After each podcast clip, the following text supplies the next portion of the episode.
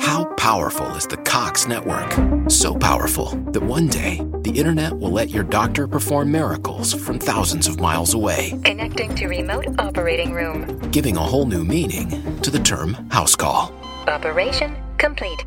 The Cox network with gig speeds everywhere. It's internet built for tomorrow, today. Cox, bringing us closer. In Cox serviceable areas, speeds vary and are not guaranteed. Cox terms apply. Other restrictions may apply.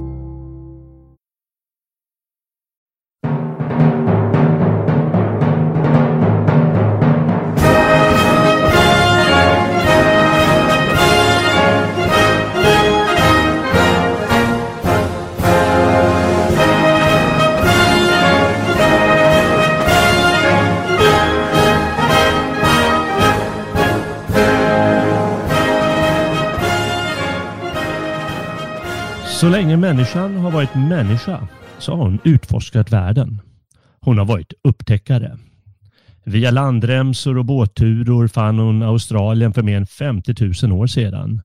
För 15 till 20 000 år sedan tog hon sig över Beringsund in i Amerika och utforskade kontinenten ända ner till Eldslandet. Med hjälp av katamaraner koloniserade människor med start för 3000 år sedan de polynesiska öarna och Nya Zeeland ända bort till Påskön.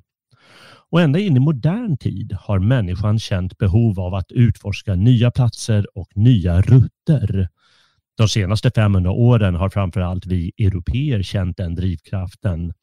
Och för 100-150 år sedan skulle de sista pusselbitarna läggas. Afrikas och Asiens inre kartlades, polerna utforskades och nordväst och nordostpassagen undersöktes. De sistnämnda bragderna utfördes av ett antal våghälsiga, vetgiriga och bestämda svenskar.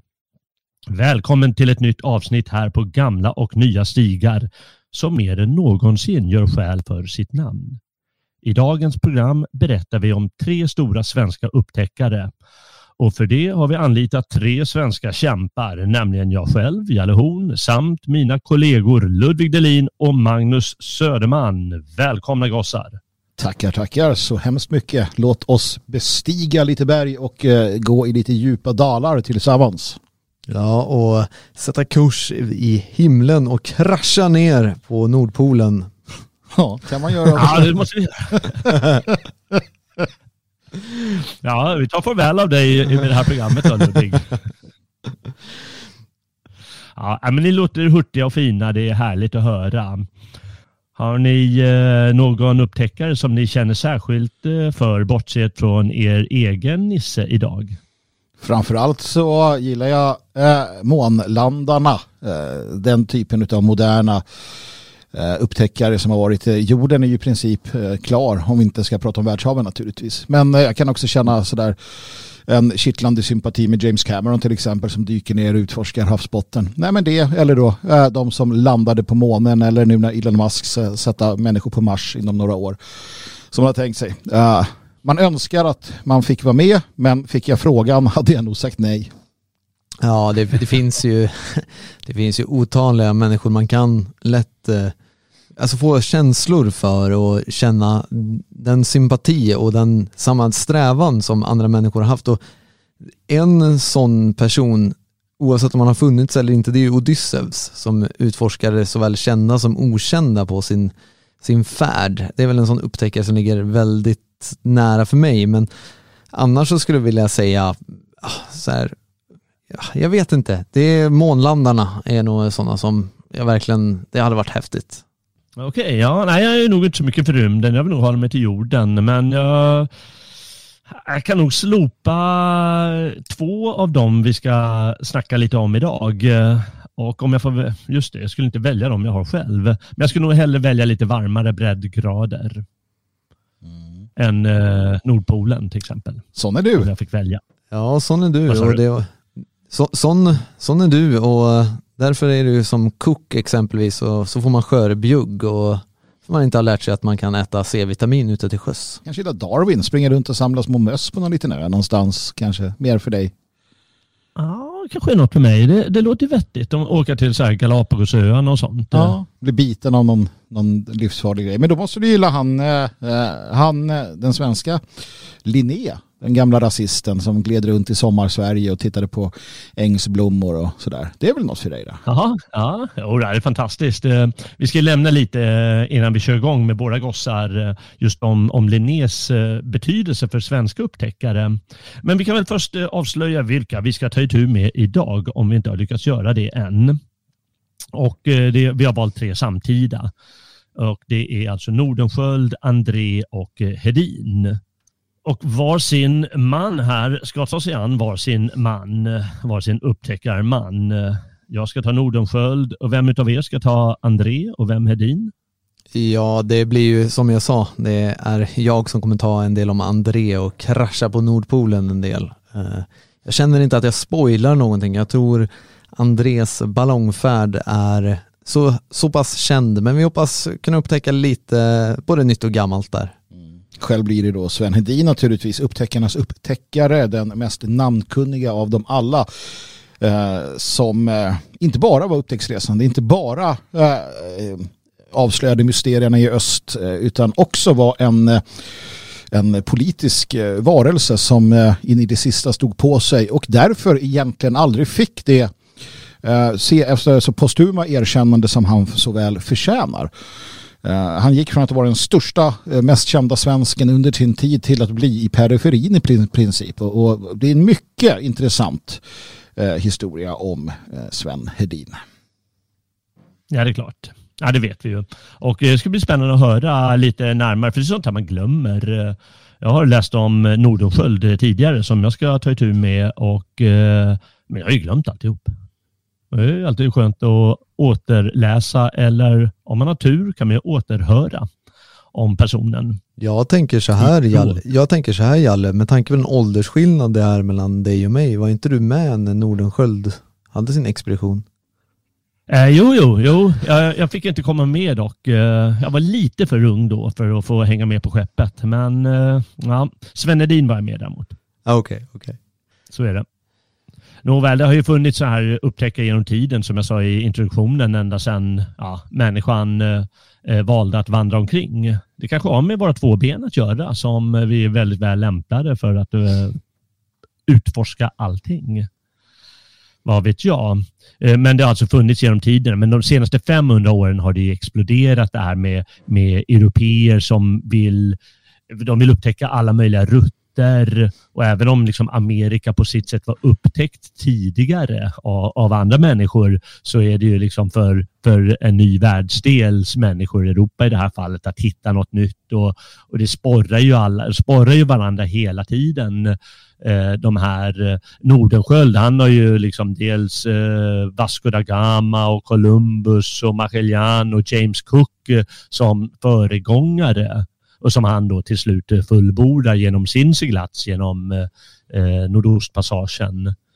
Och eh, så, så, alla de här som vi ska ta upp, de har ju givetvis föregångare, men de står ju för, för storartade insatser. Jag eh, vågar ju hävda, förvisso i sammanhanget också, att eh, det intressanta att de namn du nämner är ju bara europeer. Vita europeer för den sakens skull. Det, det, det talas om att eh, för i någon, någon svunnen forntid så fanns det upptäcktsresan. Jag hävdar att det här i allt väsentligt är en, en vit sak. Det är den, den faustiska anden. Det är det eh, som visar att de, de rödskäggiga och vita gudarna i, i Sydamerika som upptäckte det för hiskligt länge sedan. Eh, de som upptäckte USA först och de olika kulturerna. Så jag, jag hävdar att alla är vi. Det finns inte hos de andra. De är nöjda med att, att sitta still i princip va? när jag målar med bred pensel. Det är därför vi inte har några större, um, några större upptäcktsresanden från de andra eh, uh, folkgrupperna och raserna på vår jord. Utan det är vi. Det är vi som är intresserade och det är vi som vill upp till uh, månen och ner i djupet. Det, är inte, det, det, det finns liksom inga andra. I princip. Intressant i sig. Ja, nej, det enda exemplet jag kan komma på är ju den här kinesiska sjöfararen som åkte till Afrika men blev typ hemkallad tillbaka till Kina för att eh, det var inte Kinas plats att vara ute där. Nej. Alltså sådana saker, det är väl egentligen nog det enda exemplet rent historiskt skulle jag nog kunna tänka mig. Sen, sen har de ju förvisso tagit sig, jag menar om du tittar på, vad heter han då, uh, Genghis khan och grabbarna, jag menar men det, det var expansion i krig. Att ta mer, det var inte, det var inte att utforska fredligt, lära sig uh, känna nytt, det var inte den här nyfikenheten och, och samvaron utan det var att vi ska erövra så får vi se hur långt vi kommer. Ramlar vi över kanten så gör vi. Det, jag ska väl tillägga att eh, det, det, det, finns en och annan stackars arab eller iranier eller ja, ja. kines eh, som du sa tidigare. Men, men det är verkligen så att eh, som du säger att de här 500, åren, 500 senaste åren har just funnits en drivkraft där man ja, men jag vill utforska, mm. jag, bara för utforskandets skull. Mm.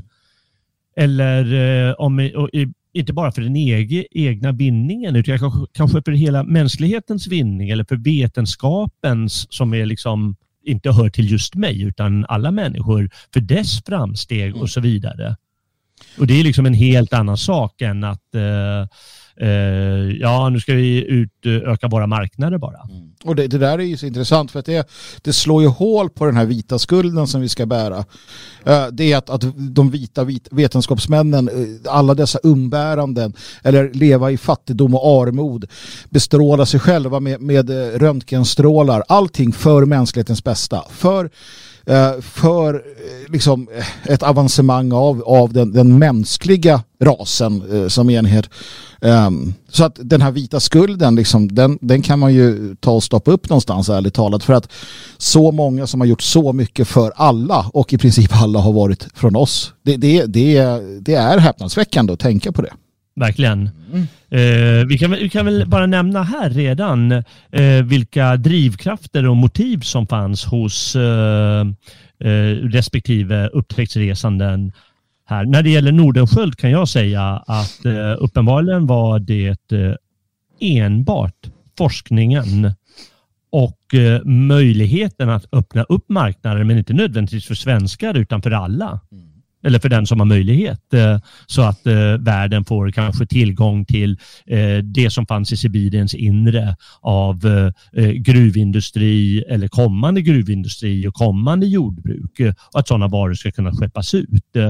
och sen då vetenskapen givetvis det är klart att det finns en inre lusta att göra äventyret, men han var inte så som det framställs i alla fall, noga med att bli berömd. Han vägrade ta emot några ordnar av kungen till exempel. Kungen ville givetvis ge honom orden för sina insatser. Nej tack, sa han. Hur är det med era killar? Vilka motiv och drivkrafter har ni eh, funnit hos dem? Ja, jag skulle väl kunna säga att eh, Nordenskölds forskningsresa där gav ju ett oerhört eh, genomslag i Sverige, vilket ledde till en kultur inom vetenskapen och bland vetenskapsmännen att mäta sig med Nordenskjöld, vilket ledde till att eh, min utvalde André här, han drabbades av vad man kanske lite så här storhetsvansinne och ville nå upp till Nordenskölds eh, hans berömdhet och de alltså det han åstadkom ville han göra ännu större, vilket ledde till en hel del beslut som blev ödesdigra för fler människor än, än honom själv. Och, eh, det här upphausades av med hela tidsandan, eh, vilket har fått väldigt många att spekulera kring att han inte gav sig när vissa saker var uppenbart på grund av mediadrev och sådär. Men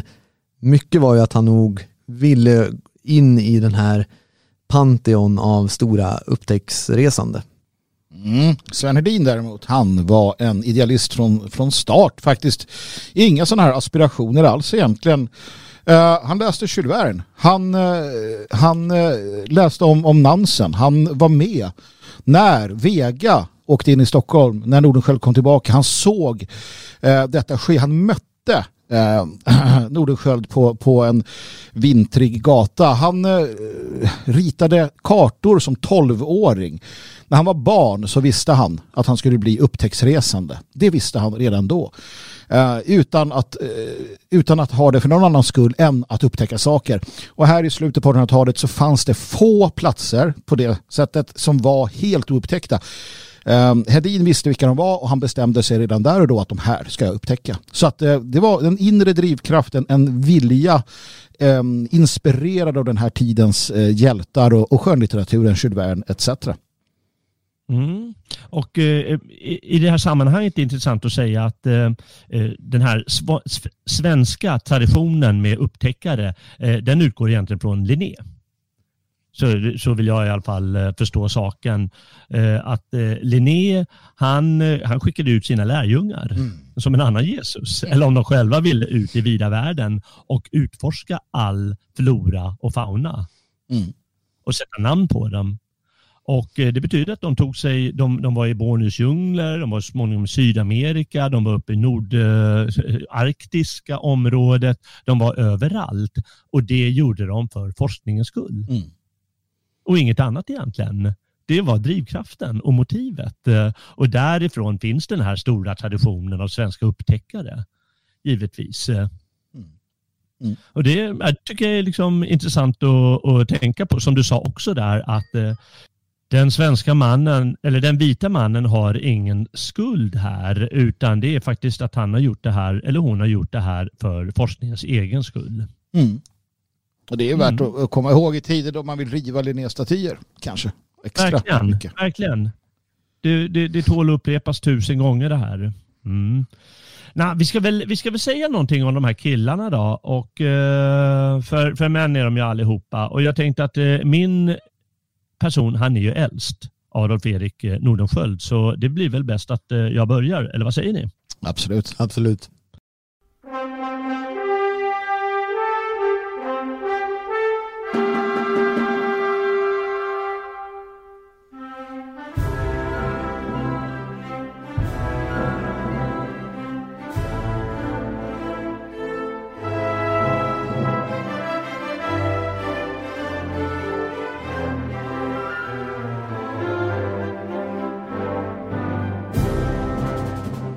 Just det. Och eh, han är ju verkligen, han blev ju väldigt, väldigt berömd, Nordenskiöld. Han blev berömd i hela världen på grund av den här bragden som man kallar det för, nämligen att hitta sjövägen från, eh, eh eller Nordostpassagen då, sjövägen från, eh, låt oss säga Norge, över, eh, över Rysslands eh, eh gräns och bort till eh, Stilla havet. Och eh, den bedömdes alltså som omöjlig. Folk hade försökt och letat efter, eh, efter det här i 300 år, men eh, det, det, det ansågs helt omöjligt på grund av att isarna och så fartygen inte klarar människorna. Umbäranden blir för stora för människorna och ja, därför räknas det som så som så otroligt stort tydligen. Det är lite svårt för oss att föreställa oss det, men man får tänka på att de här var lite fortfarande pionjärer då. Och eh, det, man kallar det också den sista stora expeditionen till sjöss. Det skulle vara Roald Amundsen tror jag hittade, eller tog hela Nordvästpassagen ett par årtionden senare. Det kanske är, är, är då jämförbart. Ehm, ehm, och hans syfte var att öppna en ny sjöväg för eh, Rysslands inre, att kunna eh, bedriva handel med varor som, som fanns där. Och det vet vi att det är rikt på olika råvaror och naturtillgångar. Och eh, han, eh, han föddes 1832 för den som är intresserad, men eh, han, han var ju född i Finland. Och det är lite roligt att jag har en, en, en bok här som på tyska, den är, den är, den är skriven av en engelsk, engelsk kvinna eller amerikanska, men på tyska heter den Atlas de Expeditionen och där kallar hon honom Nils Nordenskjöld. Och det tyckte jag var så rubbat. Att, men, menar de hans farsa? För hans pappa hette nämligen Nils. Men då var det vår egen eh, eh, person som hette Nils Adolf Erik. Men om du står i ett, ett lexikon så kommer du se att eh, det som är kursiverat är Adolf Erik. Så de har ju, de har ju bara slagit upp, aha, han hette väl Nils då, chansar de, klåparna. Men han hette alltså Adolf Erik. Vi kallar honom väl Adolf här. Stör det er? Nej, det blir väl bra. Absolut inte. Absolut inte, vad bra. Hans släkt var från Uppland ursprungligen och, de, eh, och den eh, flyttade till Finland då slutet av 1600-talet eh, och då hette de Nordberg men det var ett par bröder som adlades på 1700-talet och då fick de namnet Nordenskjöld. Och som sagt, pappan Nils Gustav, han var också forskare och han, vidtog, han gjorde stora resor själv till olika, runt om i Europa och in i Ryssland och så. Och tog gossen med sig flera gånger. Så han, eh, han eh, fick känna på från start hur det är att eh, göra sånt här. Han, samlade, han var mineralog, så han samlade mineraler. Men så småningom, han gick i skola också, den här Adolf Erik ansågs lite lat och trög och så. Men det var han inte alls, utan det var hans lärare som hade missuppfattat saken. Utan han genomförde det här med bravur på egen hand och skrev avhandlingar i zoologi och mineralogi och grejer eh, när han var 20, 22 eller någonting. 1853 följde han med pappan till Ural och det här är ett särskilt år också, 1853, för då började Krimkriget eh, mellan Ryssland och eh, England och Frankrike. Eh, och det fanns ju många svenskar i Finland som ville att eh, Finland skulle bli, eh, komma tillbaka till Sverige och inte vara ryskt längre. Och det var förstås den ryska myndigheterna visste om det och försökte stävja det på olika sätt och då så misstänkte de bland annat den här Adolf för, för det hela och till slut så blev han en dag 1858 uppkallad till guvernören i Finland och som bara ville ha ett samtal med honom för att ja, men håll inte på med sådana här grejer bara så du vet det. Och eh, då var han lite stursk eh, den här Adolf eh, när guvernören ville att han skulle ta fullständigt avstånd från alla sådana tankar eller något sånt. Och då sa han, nej men det kan jag inte göra, förstår du väl? Jaha, ja, det var din sista dag i Finland det här. Och så blev han utvisad ur landet och fick aldrig komma tillbaka. Och då fick han flytta till Sverige. Så var det med det. Det var lite hårdare förr kanske. Men eh, forskare skulle han förstås bli och eh, det var ju Arktis eh, han drömde om. Det fanns en lång forskartradition eh, i, i, Sverige eh, ända från 1700-talet eh, då en, just en linjälärjunge åkte upp till Spetsbergen, alltså på Svalbard, för att undersöka floran där. Och eh, det fanns ju flera då som eh, ja, gjorde sådana resor och började undersöka det arktiska området. Och där i mitten av 1800-talet eh, när han var ung så, så började han följa med på lite sådana resor och så småningom anordnade han dem själv.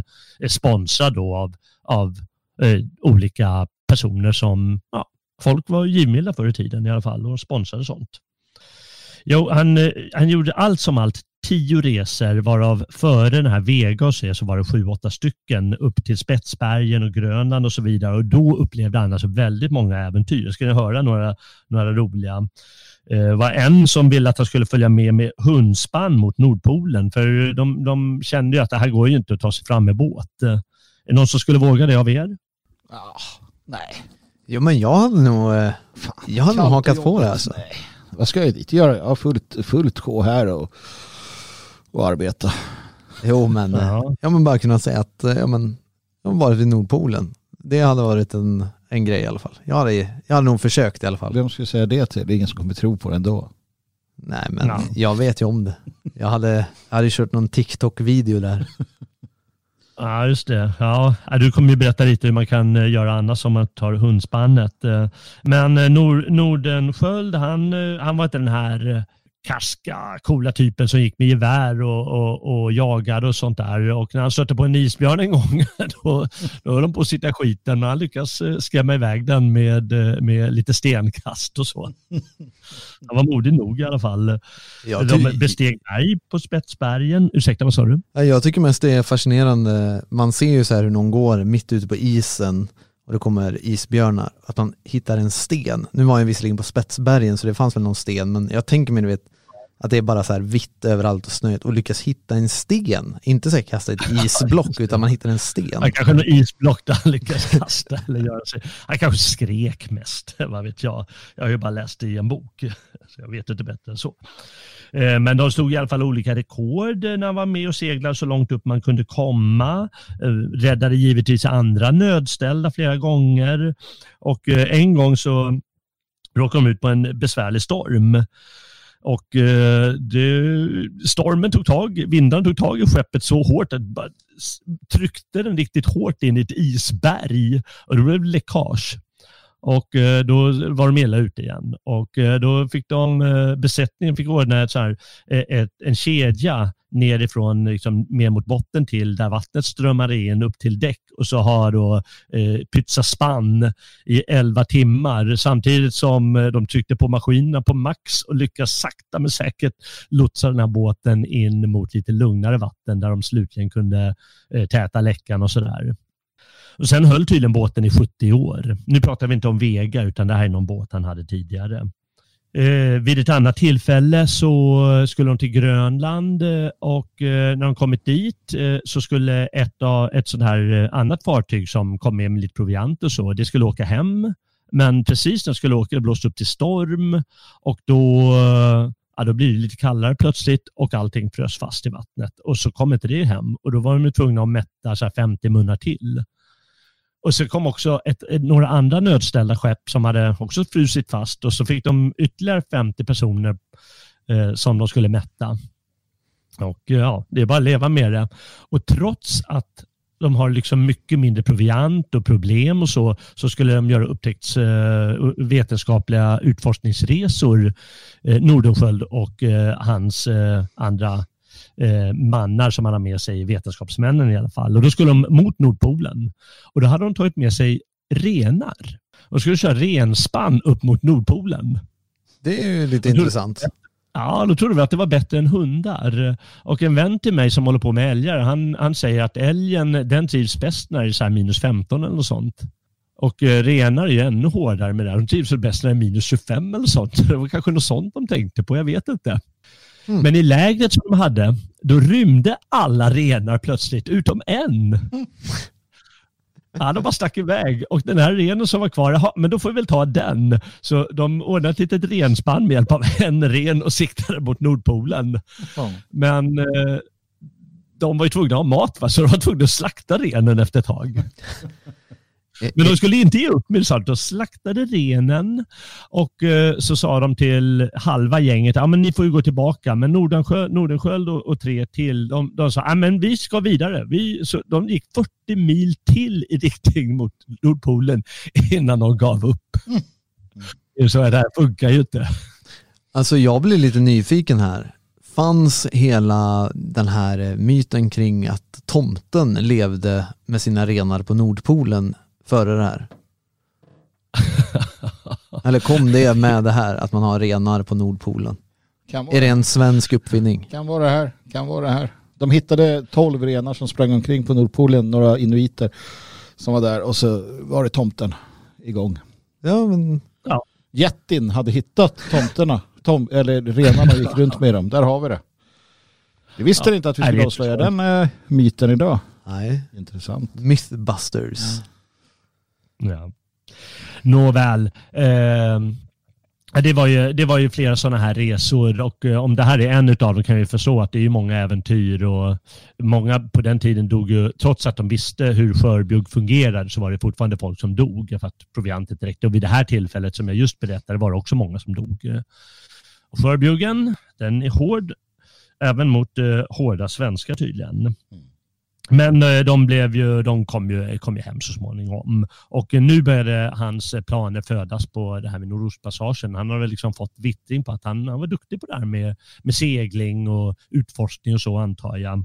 Och eh, 1875 då gjorde han en försöksresa så här för skojs skull för att se hur det funkar.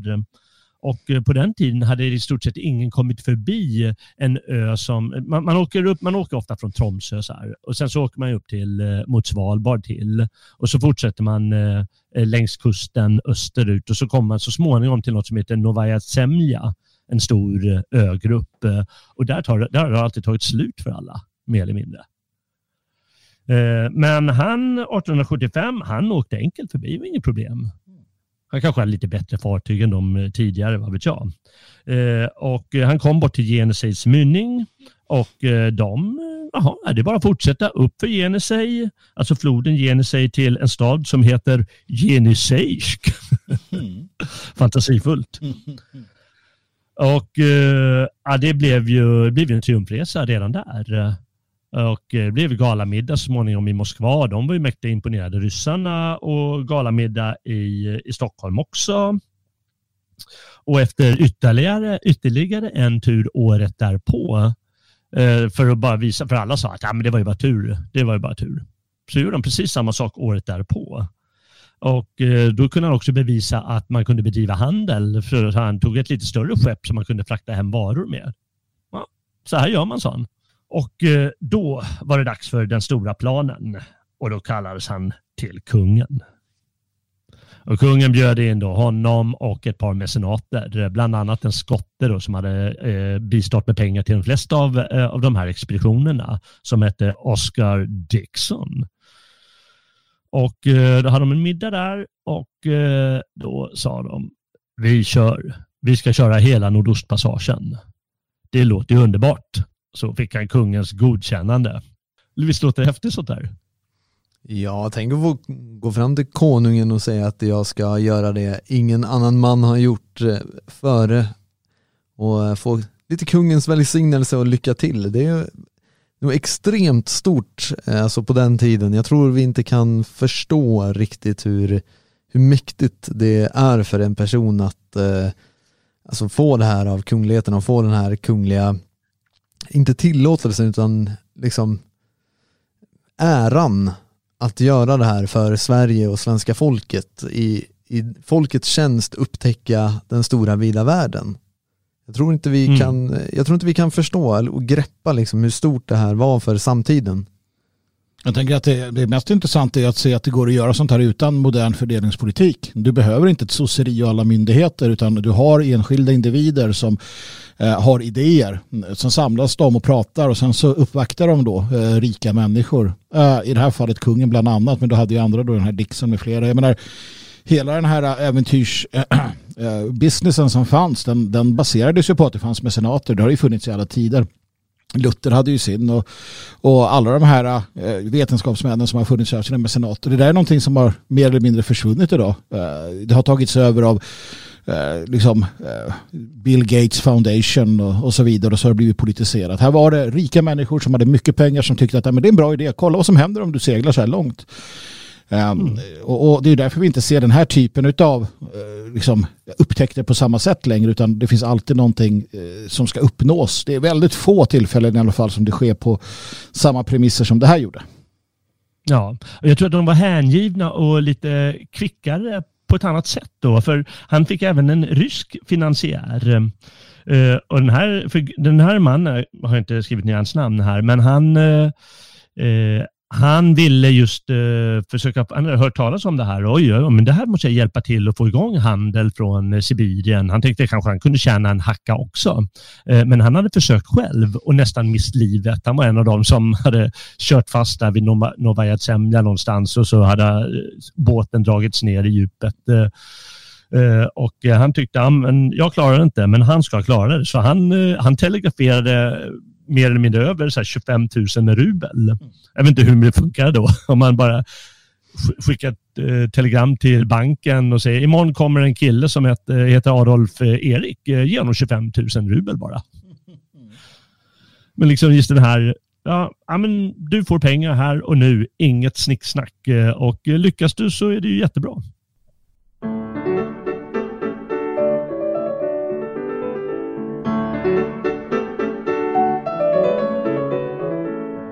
Música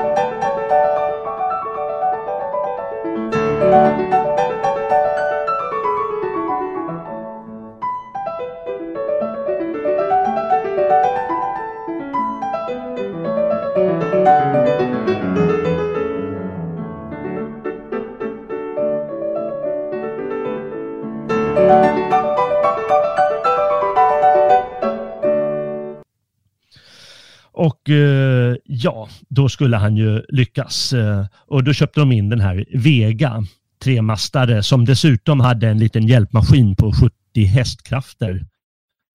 Wow, eller vad säger ni? Ja, det var ingen eh, jättemaskin direkt, inte ens för den tiden.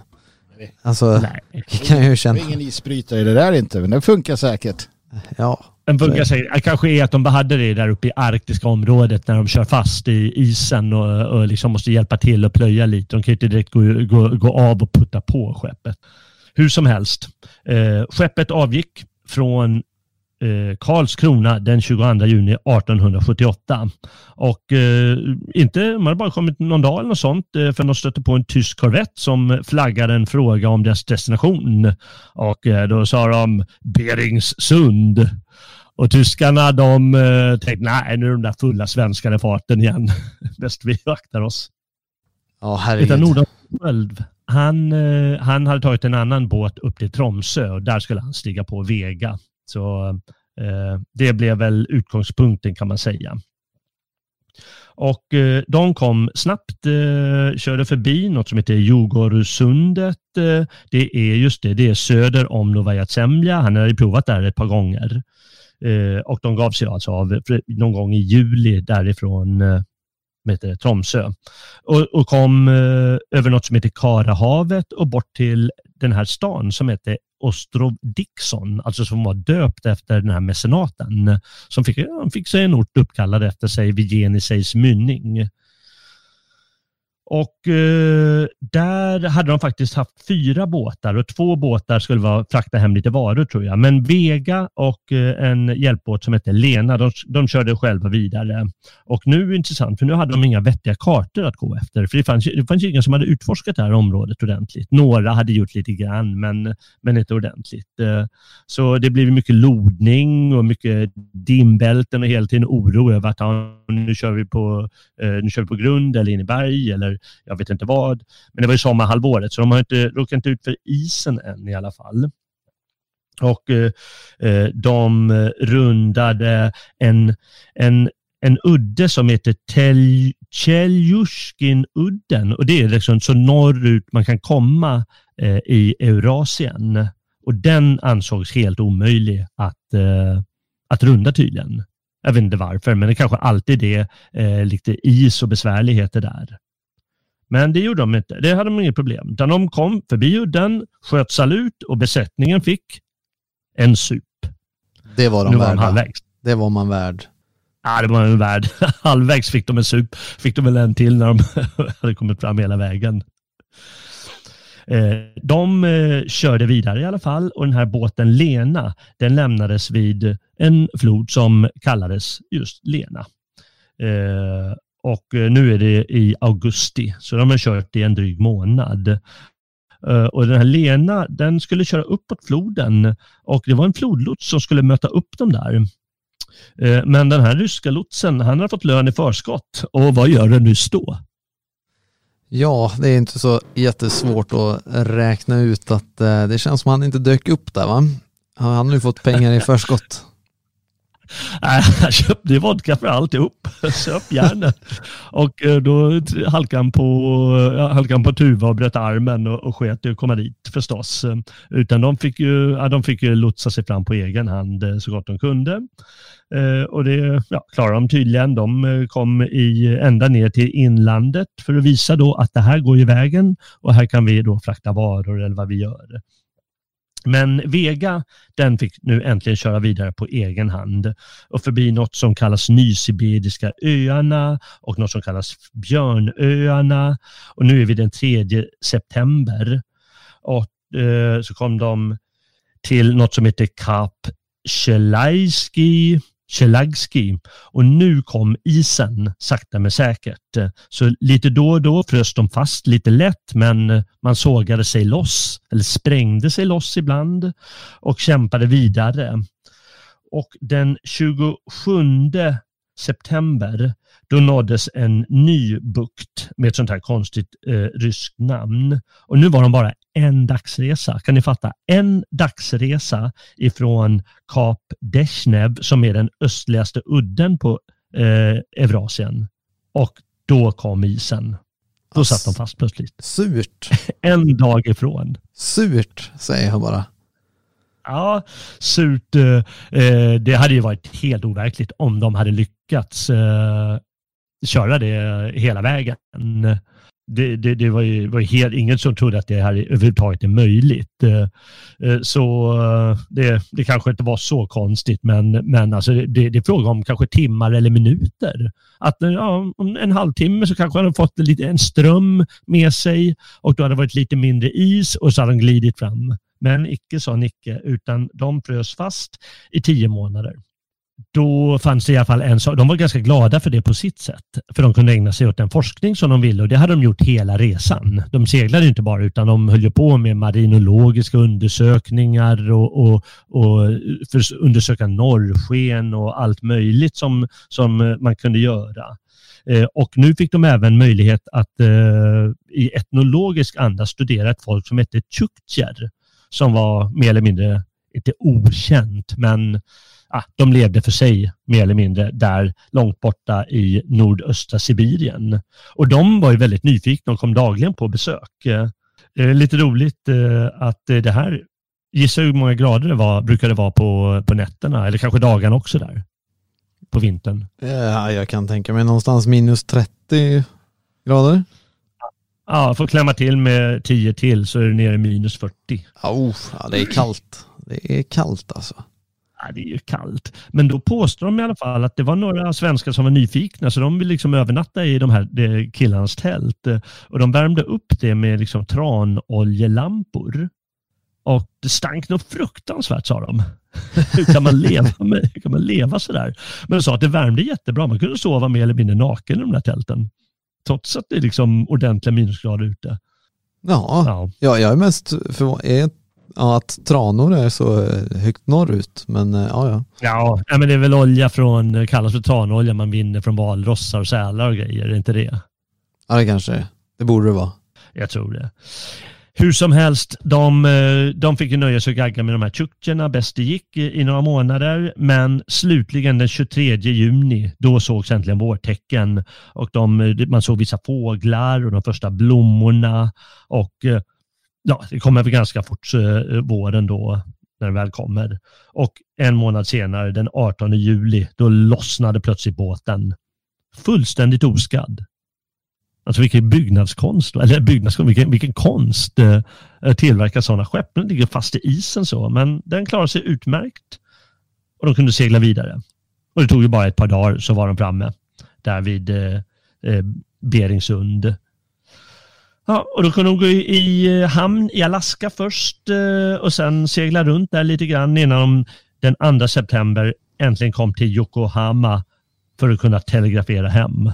Och vad tror ni hände då? det var fel på telegrafen. Nej, det kunde man nästan säga. De, de hade lite olika valutor med sig. Det var väl någon som hade lite yen och en annan som hade lite yen. De försökte räkna så här. Ja, men jag har 12,50 här. Hur mycket har du Göran? Ja, jag har 6,80 och så försökte de telegrafera. Ja, jag behöver mer pengar. Telegrafen vägrade. Men då kom ryske konsuln till, till deras räddning och jag sa jag betalar kalaset. Ja, knepigt, det fanns inga kreditkort på den tiden inte. Vad har man bränt alla pengar på? En resa, liksom Nordostpassagen fullt med alltså, så här halvsibiriska inuiter. Det finns mycket att köpa av inuiterna vet du. Det, är... det var ju de där varma tälten där du berättade om Jalle. Det måste ha varit en del eh, tjänster och gentjänster vad de nu ska med igen till, eller vad de har i Japan. Ja. Inuiterna behövde igen. Det, det var så. De blåste ju de där. De spekulerade mycket, inuiterna jag har hört, igen på den här tiden, på börserna. Ja. Det går igen. Men eh, de lyckades telegrafera hem eh, och det blev ju jubel i Sverige och jubel runt om i hela världen. Men det är ganska roligt för man insåg ju till slut att, eh, liksom att när månaderna gick att aha, de lyckades inte ta sig på en sommar. Nej. Vi får skicka nödskepp till dem.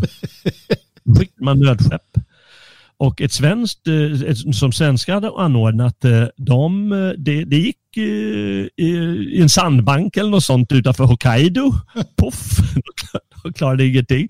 Och en amerikan som skulle segla och rädda dem, han, han, han, han körde, körde bort sig i Berings hav och uh, skeppet gick under. Ganska kast med den här nordöst, nordostpassagen liksom. Ja, det klarar bara den allra bästa sortens människa, eller hur? I alla fall så eh, blev det ju, då blev han ju världsberömd i ett, eh, eh helt plötsligt, eh, alla, alla tidningar i världen skrev ju om det och det blev ju en lång, lång galaresa hem. Och jag vet inte om han på sex eller åtta månader innan han kom hem. Han stannade till i var och varannan hamn där det fanns europeer i alla fall som var intresserade av det hela, eller amerikanare kanske. Och eh, han tog vägen över Suezkanalen och eh, eh, bort till Stockholm där han ankom den eh, vad kan det vara, 24 april 1880. Då kom han in i Stockholms ström och då hade han alltså seglat runt hela Eurasien som första person. Mm. Ja. Vilken grej. Vad säger ni om det? Ja, inte illa. Inte illa. Spatserade av Vega där och möttes av folkets jubel. Ja, det gjorde han verkligen. Och eh, som sagt, ett av målen var att eh, få till eh, en eh, sån här eh, eh, rutt där man kunde frakta varor. Det dröjde innan det kom igång och sorgligt nog först på 30-talet då det började nyttjas eh, av, av kommunisterna. Och då drog de in all vinst. Så det, det, var liksom, det blev ju inget fantastiskt syfte till slut, men eh, naja. Eh, nu, nu för tiden har den här Nordostpassagen fått eh, nytt liv eh, i och med att det är lite mildare vintrar. Mm. Att, det, att det kan vara lite isfritt där och det är ju många som är intresserade av Arktis nu genom de här mildare vintrarna och, och att eh, frakta saker och, och alltihop. Så han är inte bortglömd, Nordenskjöld, utan han lever ju fortfarande på det sättet. En stor man. Mm, utan tvekan. Ja, verkligen. Ja, eh, jag vet inte om ni undrar något speciellt där eh, om honom. Som sagt, han, eh, eh, han sa att eh, han det var någon journalist, eh, kanske i Hokkaido eller han kom hem till Stockholm eller någon som här eh, frågade, ja men hur, är det inte underbart att vara beröm? Ja, han var, ju- han var ju inte finne då, utan finlandssvensk. Eh, Men han kanske eh, hade någon brytning, ja, jag är inte så mycket för det här med berömmelse. Eh, Jag är mest en enkel geograf. Mm. Ja, men det är ju en rätt, rätt, in, rätt inställning får man väl säga. Sen, eh, sen låter det alltid bra att säga så till journalisten också. Jag tror nog inte att han grät när han eh, klev av Vega och hyllades i hela världen. Jag, jag får för mig att även den bästa av oss kan tycka att det är lite småroligt att vara världens mest kända, upphöjda, hyllade och sedermera adlade och gud vet vad personen då. Ja, jag tänkte Ja. precis göra en sån här tagning här nu om att han eh, visade karaktär och det här svenska liksom återhållsamheten och sådär men eh, det är nog som du säger Magnus. Jag tror inte att han grät riktigt när han blir hyllad av en hel värld.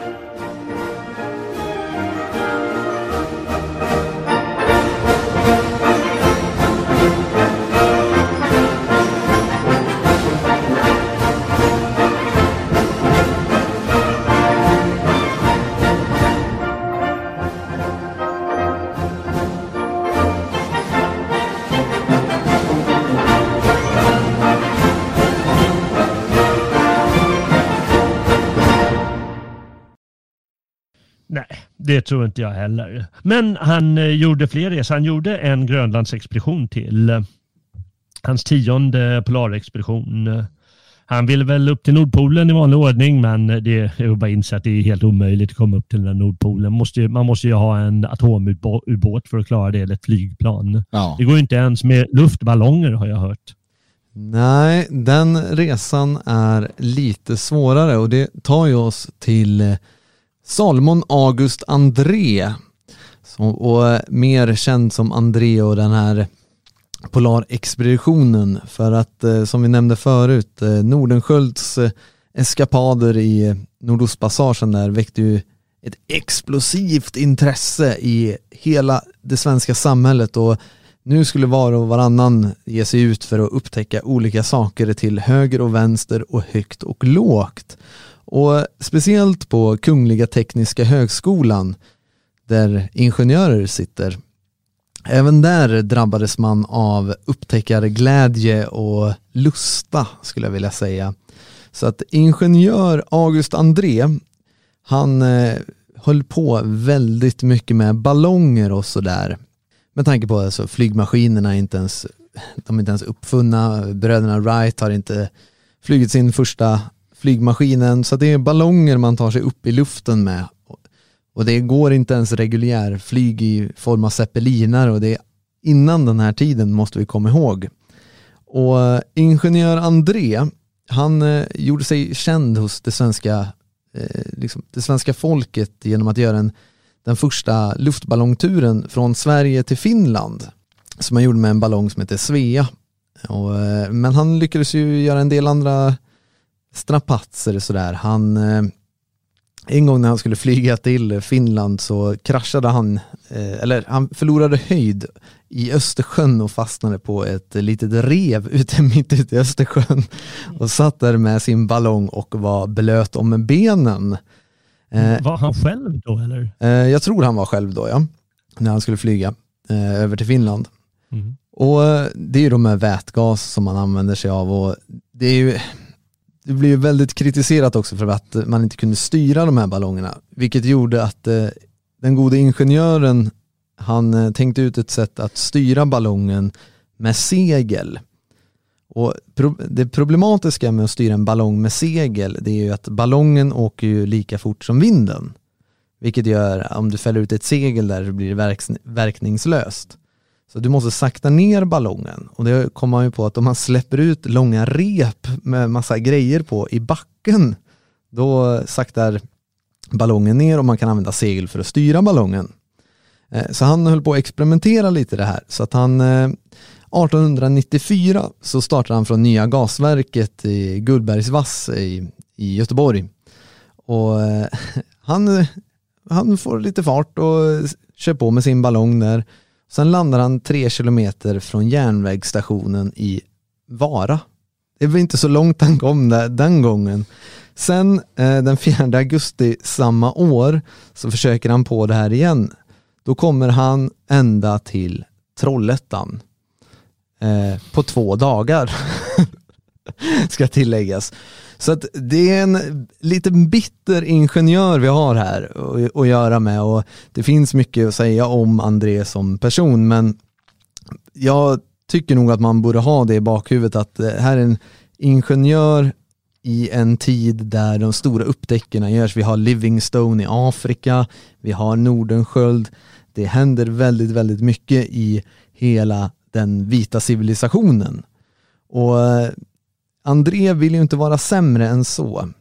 Så eh, ingenjör André tänker sig att jag ska flyga med en vätgasballong till Nordpolen och flyga över Nordpolen. Det ska ju inte vara så jättesvårt i teorin. Men det visar sig att till och med i teorin är det lite, lite, lite svårt. Så han börjar ju då, som man alltid gör inför sådana här expeditioner, man börjar leta mecenater. Och till slut så får man med Oscar den andre, konung av Sverige och Norge på, på den här ballongfärden att eh, stödja den ekonomiskt. Och då så köper man vätgasballongen Örnen, en skapelse som André själv har varit med och, och ritat och sådär.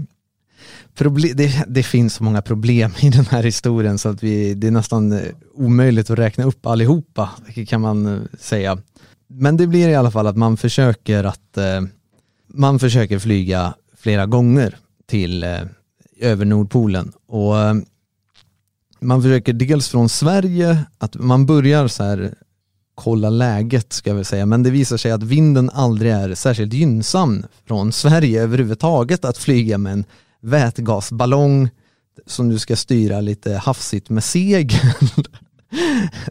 över Arktis och eventuellt eh, landa i Alaska, Kanada eller Ryssland. Alltså det är halva jordklotet, man vet inte, men det, det, är inte gynnsamt att flyga från svensk västkust oavsett vinter eller sommar. Och, inte, om man, inte om när man har provat tidigare kommit från, vad var det, Vara till Trollhättan?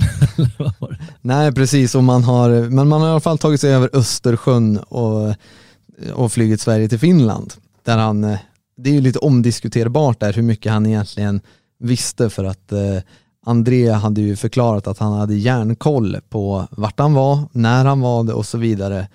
Eh, så var det ju meteorologer som ställde sig lite frågande. Men under de här datumen så var det ju tjock dimma över hela, över hela Östersjön. Så att eh, det finns mycket om hans tidiga bravader där som är ifrågasatt. Det var ju en gång när han skulle, han landade på, på Gotland då trodde han, han trodde att han var på Öland. Han hade missat hela Östersjön däremellan. Så det, det finns, På grund av dimma eller? På grund av dimma ja. Så det ja. finns mycket sånt här i alla fall. Men den här metoden att styra eh, ballonger är någonting som moderna ballongfarare, alltså man anser att det inte är möjligt att göra på det sättet. Liksom. Och, eh, bland annat Svenska ballongfederationen, vilken underbar, vilket underbart föreningsnamn för övrigt. Eh, mm. De menar att Andreas övertygelse borde ha kommit av önsketänkande och det går liksom inte att göra på det sättet styra. Man behöver någon form av, av motor om man vill kontrollera verkligen på det sättet. Men eh, drömmen om Nordpolen blev verklighet. För han lyckas ju samla in då väldigt mycket pengar genom att han var väldigt talför. Och så han lyckas ju ragga upp eh, Kungliga Vetenskapsakademin, Svenska sällskapet för antropologi, anto, äh, jag får så här, antropologi och geografi. Och eh, som sagt, Oscar den andre. Och han hävdar ju då att eh, det ska inte vara några problem att flyga över, över Nordpolen, även när han ställs inför kritiska frågor som ja men det är ju kallt och hur det kommer snö påverka och sådär. Det här förklarar ju han att eh, eftersom, eftersom ballongen färdas med vindens hastighet så kommer, eh, ja, eller man drar de här stoppen bakom sig, de här linorna, så att man kan styra, då flyger ballongen inte lika snabbt som vinden och då blåser snön bort. Så att det skulle inte vara några problem med att få snö på ballongen. Och dessutom är ballongen varmare än luften så att eh, om det fastnar någon snö så ska den smälta bort lite önsketänkande där kan vi säga. Och eh, man ska ju då flyga på, på sommaren för att midnattssolen kommer erbjuda fantastiska möjligheter att göra observationer dygnet runt och man behöver aldrig landa och slåss med isbjörnar. eh, någonting som de bokstavligt talat fick äta upp senare. Men i alla fall, eftersom det visar sig att det är inte lämpligt att lyfta den här ballongen från Sverige och Sverige och Norge är i union, vilket innebär att Svalbard faller under den svenska norska kronan, vilket gör att man bygger en station på Svalbard. Det är där man ska utgå ifrån för att flyga över och man sitter där en hel sommar och väntar på vind. Och det visar sig att det, det kommer ingen bra vind direkt. Och eh, och det här är 1896. Så man sitter där och, nej, idag då killar? Nej, nej det gick inte idag heller. Men då börjar en av hans kollegor, Nils Ekholm, han är den enda i gänget om tre. Det är eh, André själv, det är Nils Ekholm och eh, så är det en eh, så kallad lysande student, Nils Strindberg, som har forskat i fysik och kemi. Men Nils Ekholm, han börjar ana att det är någonting som är konstigt. För att han är, han är erfaren i arktisk meteorologi och har ett brinnande matteintresse. Och han tycker det är något skumt när de har suttit och väntat här. De har väntat och väntat. När ska vinden mojna eller vända? Men ballongen verkar väldigt, li, nästan lite för bra och så han börjar räkna på hur mycket ballongen släpper ut vätgas när den börjar stå där. Så börjar han räkna på att nej men, med, med den här mängden vätgas och hur mycket det läcker. Eh, ja okej, okay, det, kan bli, det kanske kan gå. Sen så han börjar göra så observationer varje dag på det här. Och han märker att värdena skiftar väldigt, väldigt mycket Ja, det är ju klart att vätgasen kan läcka ut, tänker man ju. Men den, har ju, den kan ju omöjligtvis öka. Jo, ja, men då är det så finurligt så här, att Andres skapelse, den här ballongen, visar sig läcka en hel del. Så att man måste fylla på den här ballongen. Någonting som André tyckte att det var lämpligt att inte säga någonting till någon. Så att han har bett en, eh, en som är med i expeditionen här att, eh, alltså i, vad säger man, i besättningen på land som ska hjälpa dem vid starten. Han går och smygfyller på den här ballongen på natten. med vätgas. Och det här får ju då Nils Ekholm att tänka, nej, vad fan, det här nu. Så han gör en riktig överslagsräkning och kommer fram till att okej, okay, om vi har så här mycket vätgas när vi lyfter så kommer ballongen hålla i 17 dagar, vilket är mindre än vad man har beräknat att det ska ta överhuvudtaget. Så att eh, i slutet på den här första sommaren så bestämmer sig Nils Ekholm att eh, nej, killar, ja, jag står över den här gången. Så att eh, han lämnar faktiskt eh, expeditionen innan den ens har börjat. Men då, då har de suttit en sommar på Svalbard. På Svalbard och bara väntat på att förr eller senare så ska vi nog resa någonstans här. Man måste säga att den här, deras förmåga att bara vänta, det är ju de här tio månader fastfrusna någonstans och så här. Visst, det fanns lite mätningar att göra så, men ändå. Alltså sitta där och bara glo i någon förhoppning, det är, ja, nej men det, det är bra. bra för Nils kanske, i alla fall.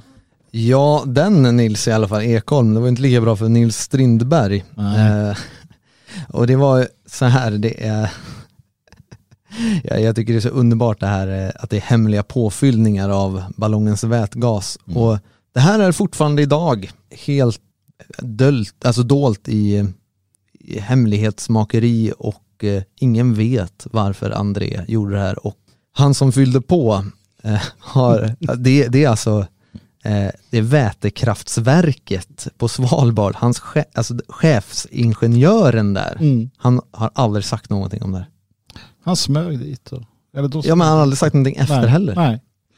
Då ska man komma ihåg att de var borta i bra många år innan de ens eh, visste vart de ja, ja. tog vägen sen. Det blir ju lätt sådär när man inser att fan jag har varit delaktig i något riktigt dumt, du vet, då blir man tyst, väldigt ja, tyst. Ja, det är bäst att hålla tyst. Ja. ja, så man försöker ju då året efteråt eh, med det här. Och vi ska komma ihåg att om vi tycker i, nu i modern tid att oj vad vissa företag tag håller på och kör någon drive, en reklamdrive och sådär. Mm. André var ju den här jobbiga människan som körde i väldigt länge med att sponsra mig, jag mm. kommer göra det här. Så man har fått motta väldigt mycket pengar, väldigt mycket publicitet och tidningen har man bjudit in det här året, den här sommaren när man sitter på Svalbard. Nej, det blev ingen flygning idag heller. Så det är inte bara de tre som sitter där, utan du har en hel besättning som ska få upp dem i luften. Mm. Du har ett gäng satar till journalister som får sitta och rulla tummar på just den här nyheten som inte blir av. Mm. Och, men André ger sig inte, även fast en har hoppat av och man kommer inte iväg. Så då... Ballongen läcker. Ballongen läcker, men det vägrar man lyssna på och det, det pratas inte så nej, mycket nej. mer om det. Nej, nej, nej. Men så när man kommer tillbaka året efter så märker man i alla fall att hangaren som man har byggt året innan är i gott skick. Vindarna är mer gynnsamma och eh, Andres ledarskap sticker ut ännu mer nu när det mer kritiska Ekholm är borta. Det är skönt. Så han har, med andra ord, han har fått eh, lite storhetsvansinne och har total kontroll nu på den här eh, strapatsen som snart ska tas vid. Ja, det är skönt. Hur man gör sig av med de här jobbiga eh, nej-sägarna och, och, som ska hålla på och ifrågasätta så blir det mycket smidigare allting. Eh, Jag håller på André fortfarande. Columbus hade aldrig hittat eh, Amerika om det varit jobbiga typer som bestämt. Nej, precis. Precis. Jag håller fortfarande på André. Jag, jag tror att det här kan gå vägen. Mm.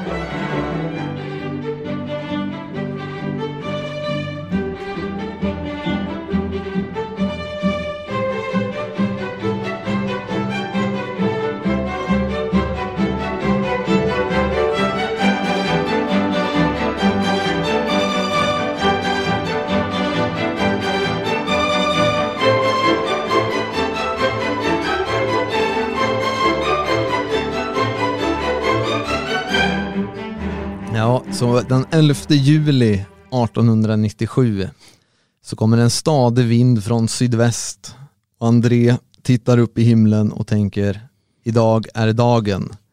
Så att man, besl man beslutar sig för att idag ska ballongen lyfta, hangarens översta del tar, tas bort. Alltså bara det, man har en hangar och ballongen är liksom den är uppblåst hela tiden. Jag, jag förstår inte liksom grejen. Men ja, de tre upptäcktsresande de kliver in i korgen. André han eh, dikterade ett telegram till kung Oscar och ett annat till Aftonbladet. Och eh, de många expeditionsdeltagarna som var där eh, och ska hjälpa dem av, de hugger av repen som håller fast ballongen på marken och ballongen stiger sakta, sakta iväg. Och när den rör sig ut mot vattnet här, från eh, när man är på Danskön på Svalbard där då, då har man de här släplinorna och de drar i marken så mycket att de drar ner ballongen så att korgen doppar i vattnet. Och eh, den här friktionen eh, alltså får även släplinorna att börja snurra runt i korgen. Eh, åh, vilket gör att de lossnar från sina skruvfästen. De här skruvfästena är en säkerhetsdetalj för att kunna göra sig av med de här släplinorna eh, på marken. Och bara liksom, ja, men nu kan vi dumpa dem. för att gå tillbaka till den avhoppade eh, besättningsmedlemmen Nils Ekholm, var, han hade en del att säga om det. Och André var motsträvig in i det sista att ha de här. Nu behövde han ha de här säkerhetsanordningarna, för de var tvungna att fimpa ungefär 530 kilo rep och eh, 210 kilo sand för att få upp korgen ur vattnet. Så man har alltså förlorat 740 kilo last under de allra första minuterna. Det går inget bra det här för André. Så att, men man, man fortsätter i alla fall och under den här tiden så använder man sig av eh, några Eh, brevduvor som Aftonbladet har skänkt att nu ska han kunna rapportera. Så att eh, det, de eh, brevduvor som mottas, eh, de säger att allting är bra. Kanske inte själva duvorna men de meddelanden på att eh, allting är bra. Och eh, en liten anekdot är ju där att det är på en, en av de här brevduvorna som de kommer till eh, ett norskt fartyg som är ute och fångar, vad heter det, valrossar. De, mm. de skjuter ihjäl den här brevduvan och sen hittar att det är ett, eh, ett meddelande där det står att allt väl ombord. Ja, det är inga meddelanden som noterar olyckan överhuvudtaget om färden. Och örnen då, den här ballongen, är uppe i luften utan kontakt med marken något mer i hela 10 timmar och 29 minuter. Nils Ekholm hade räknat på 17 dagar. Eh, sen så följer en hel alltså 41 timmars skumpig resa där man studsar upp och ner på isen innan då ballongen kraschar för gott. Så totalt blev färden två, två dygn och tre och en halv timme. Och eh, i, enligt Andreas dagböcker så fick ingen av de resande särskilt mycket sömn under tiden. Och det, ja, så är det. Men all, alla klarar sig i alla fall. Eh, de är oskadda, inklusive några duvor man har med sig.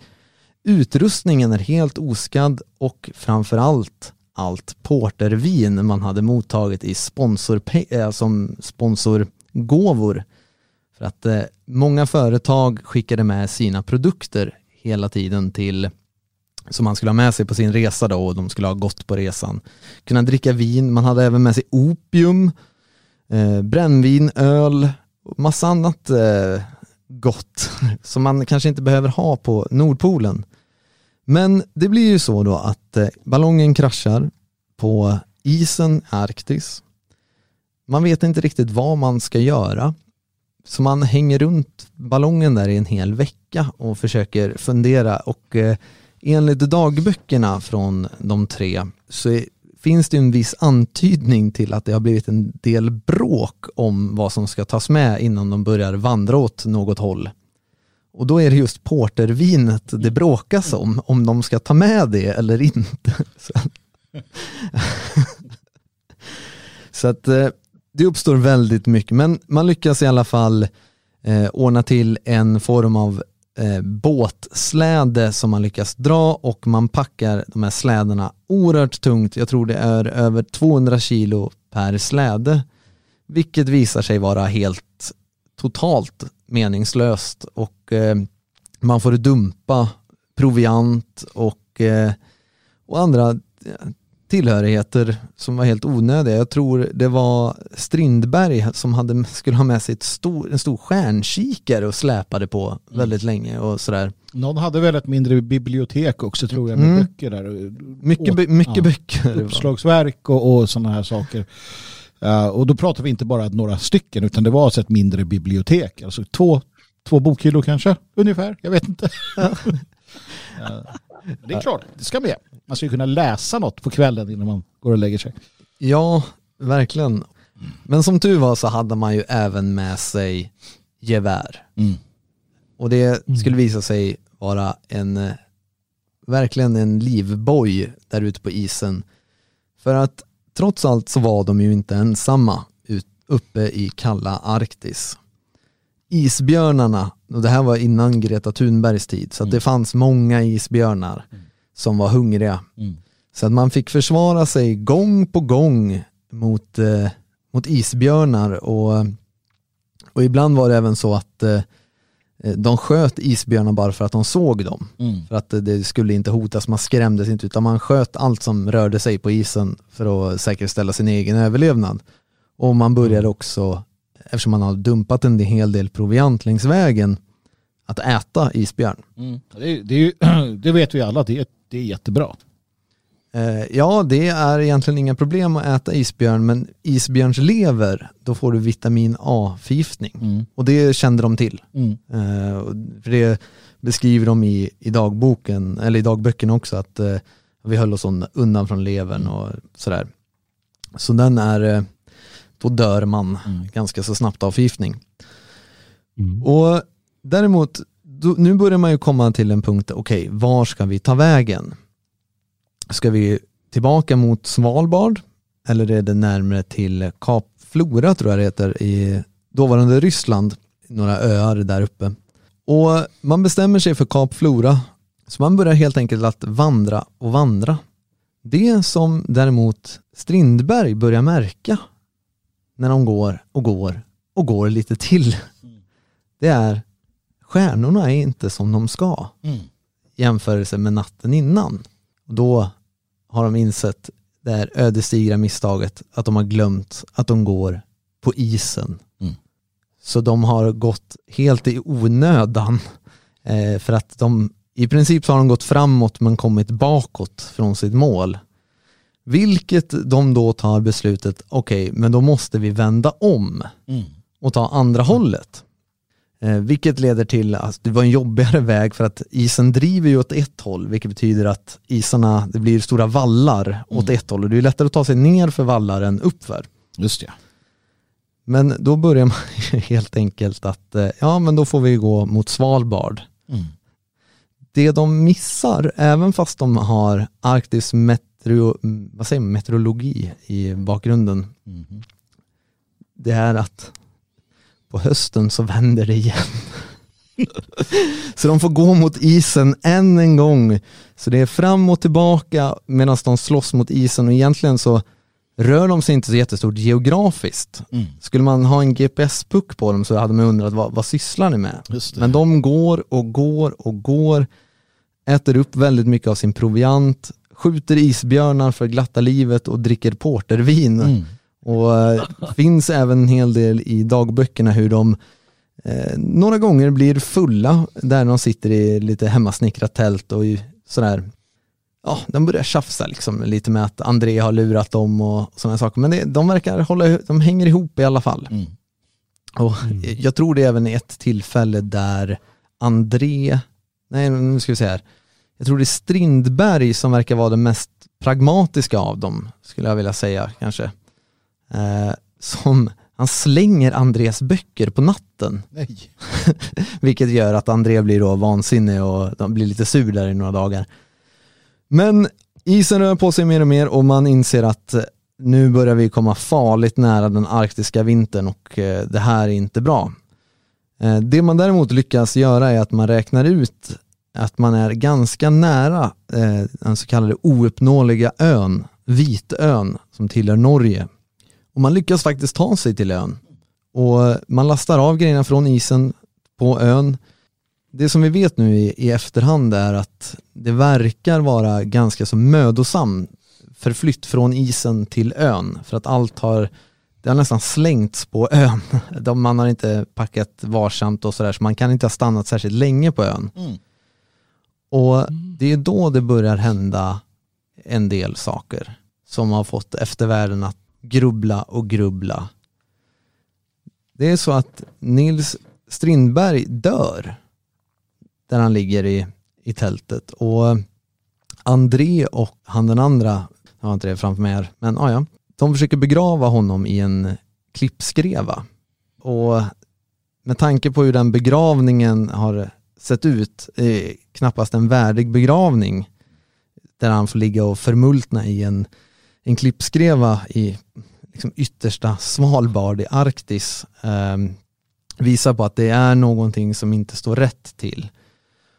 Och det är efter Strindbergs död är väl de sista sansade dagbokssidorna också från André.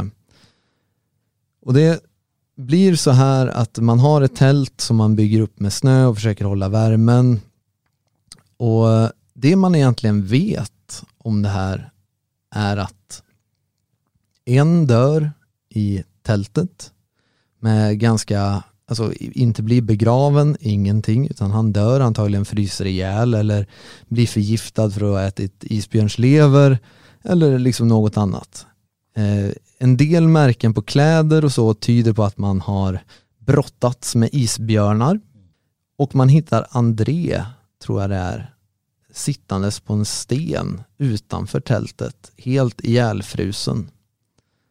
Där sitter André i 33 år, för man hittar aldrig den här expeditionen för, förrän 33 år senare, eh, när norska eh, valfångst, eh, valfångst eller eh, om det var valrossjaktsfartyg som går i land när det var en väldigt mild sommar och man nådde fram till, till Vitön och då, då såg man någon sitta fortfarande på en sten där. Så liken togs tillbaka och eh, slutligen kremerades utan någon direkt analys. Men eh, men man gick igenom en hel del eh, och man hittade dagböckerna och man hittade förvånansvärt mycket bråte på Vitön som de hade släpat över halva Arktis. Så var det med mm. sagan om eh, André och ballongflygningen. Det jag tycker i alla fall är, alltså det finns ett eh, det är lite snöpligt slut, någorlunda sådär och det är ganska en tragisk händelse. Men det det visar är att den här strävan någonstans att aldrig ge upp oavsett vad, även om det i det här fallet ledde till kanske dårskap, om jag skulle vara personlig. Sen finns det någon som inte håller med i, i den analysen.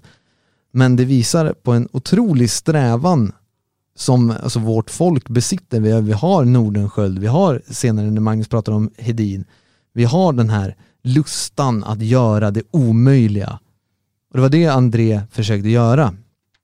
Och eh, där någonstans, alla kan inte nå ouppnåeliga mål. Några kan det och det är därför de blir förevigade. Men André är ett exempel på att oavsett om du har vilja så måste du också kunna vara professionell och du måste veta vad du håller på med och ha rätt förutsättningar för att göra det du ska ta dig an. Allt annat är antingen bara drömmar eller leder till att du och din besättning faktiskt dör. Det är det som är lite, man blir lite sur på Andrea. Eh, man blir lite sur över att han uh, uppenbarligen visste att ballongen läckte. Jag menar, han visste ju det. Mm. Och det är ju inte, det här var ju inte en ballong som dagens ballonger med en värmeblåsare och så du, du fyller på, sen drar du. Och sen ja. ska den hålla tätt i princip tills du ska ner. Eh, det i sig kan man tycka är oansvarigt. Eh, samma sak då att den här första besättningsmedlemmen som säger nej men det här var inget bra, alltså, jag drar och bara fortsätter. så det finns ju som du säger, det är en, en, en tunn linje också mellan genialitet och, och ren dårskap och i det här fallet så, ja, hade man liksom planerat för att rasa ner på isen? Nej, det hade man ju inte, såklart. Man hade med sig ett bibliotek, man hade med sig allt möjligt bråte som man sen skulle bära med sig. Visst, det är kul i efterhand, jag, jag ler också åt det här och så, men det, det, det, det är ju någonting här eh, som, som skaver lite grann. Va? För det hade kunnat bli, eh, jag tror med, med, med förberedelser och med eftertanke så hade det kunnat bli mycket, mycket bättre om man hade kunnat hamna någon helt annanstans helt enkelt. Ja, absolut. Och mycket handlar ju om, alltså diskussionen kring André och den här polarflygningen går idag om André kände sig pressad av mediedrev och alltså att han är girig på det sättet eller om han bara var en drömmare. Och där kan ju också vara så här tidigt exempel på vilket inflytande media faktiskt har på våra beslut. Där, jag, jag personligen vet inte om André hade agerat på det här sättet om det inte vore för all den publicitet och som han visserligen var med själv och skapade. Men för tidningarna, de ville göra honom till nästa Nordensköld och man hade tagit ut segern i förväg. Så han hade ganska mycket att leva upp till. Och i hans dagböcker så är det mycket att komma tillbaka. Han, han bävar lite för att komma tillbaka till Sverige eh, strax efter kraschen. Eh, för att han vill verkligen, verkligen inte misslyckas. Och det är ju också någonting som, eh, som talar för att det kanske har varit självmord eh, på Vitön där. Och sådär genom att han då, de hade opium med sig, att man har rökt så pass mycket opium för att man ska kunna då bedöva sig och eh, frys, helt enkelt frysa ihjäl smärtfritt. Ja, det är ett grymt öde, men eh, som säger allt för den här strävan och i viss mån då det kravet eh, som, som finns eh, utifrån. Eh, men, men fanns det något motiv med, med resan eh, förutom själva berömmelsen där eller själva liksom vi, visa att det här går att göra? Det fanns ju ändå en tävling att komma till Nordpolen. Eh, men fanns det något motiv utöver det med resan? Inte för André vad vi vet, alltså rent sådär konkret. Han ville ju vara den som var först. Däremot mm. så lindar han ju in alltså det här i vetenskap. Mm. Ska vi komma ihåg, alltså där man kunde göra extrema meteorologiska forskningar i, i liksom Arktis som man då inte visste så mycket om vid den här tiden. Man visste inte hur Eh, väder och vind var hela tiden. Man visste att det var mildare på sommaren och kallare på vintern och det fanns midnattssol. Det, det, var, det var ungefär det, men i mångt och mycket så Arktis var ganska outforskat. Och så det var ju mycket där att man skulle göra liksom geografiska studier, man skulle göra meteorologiska studier och det var väldigt viktigt och, och sådär. Så att mycket inlindande i det här. Däremot så vill ju André ha med sig meteorologer och geografer för att han skulle kunna ta sig fram med ballongen så att han inte skulle flyga vilse, känns det som. Man får den känslan lite grann att det var mer för egen vinnings skull. Sen, jag låter det vara osagt, han kanske hade helt ärliga intentioner, men för mig så känns ju André någorlunda ärgirig och det var nog det som drev honom.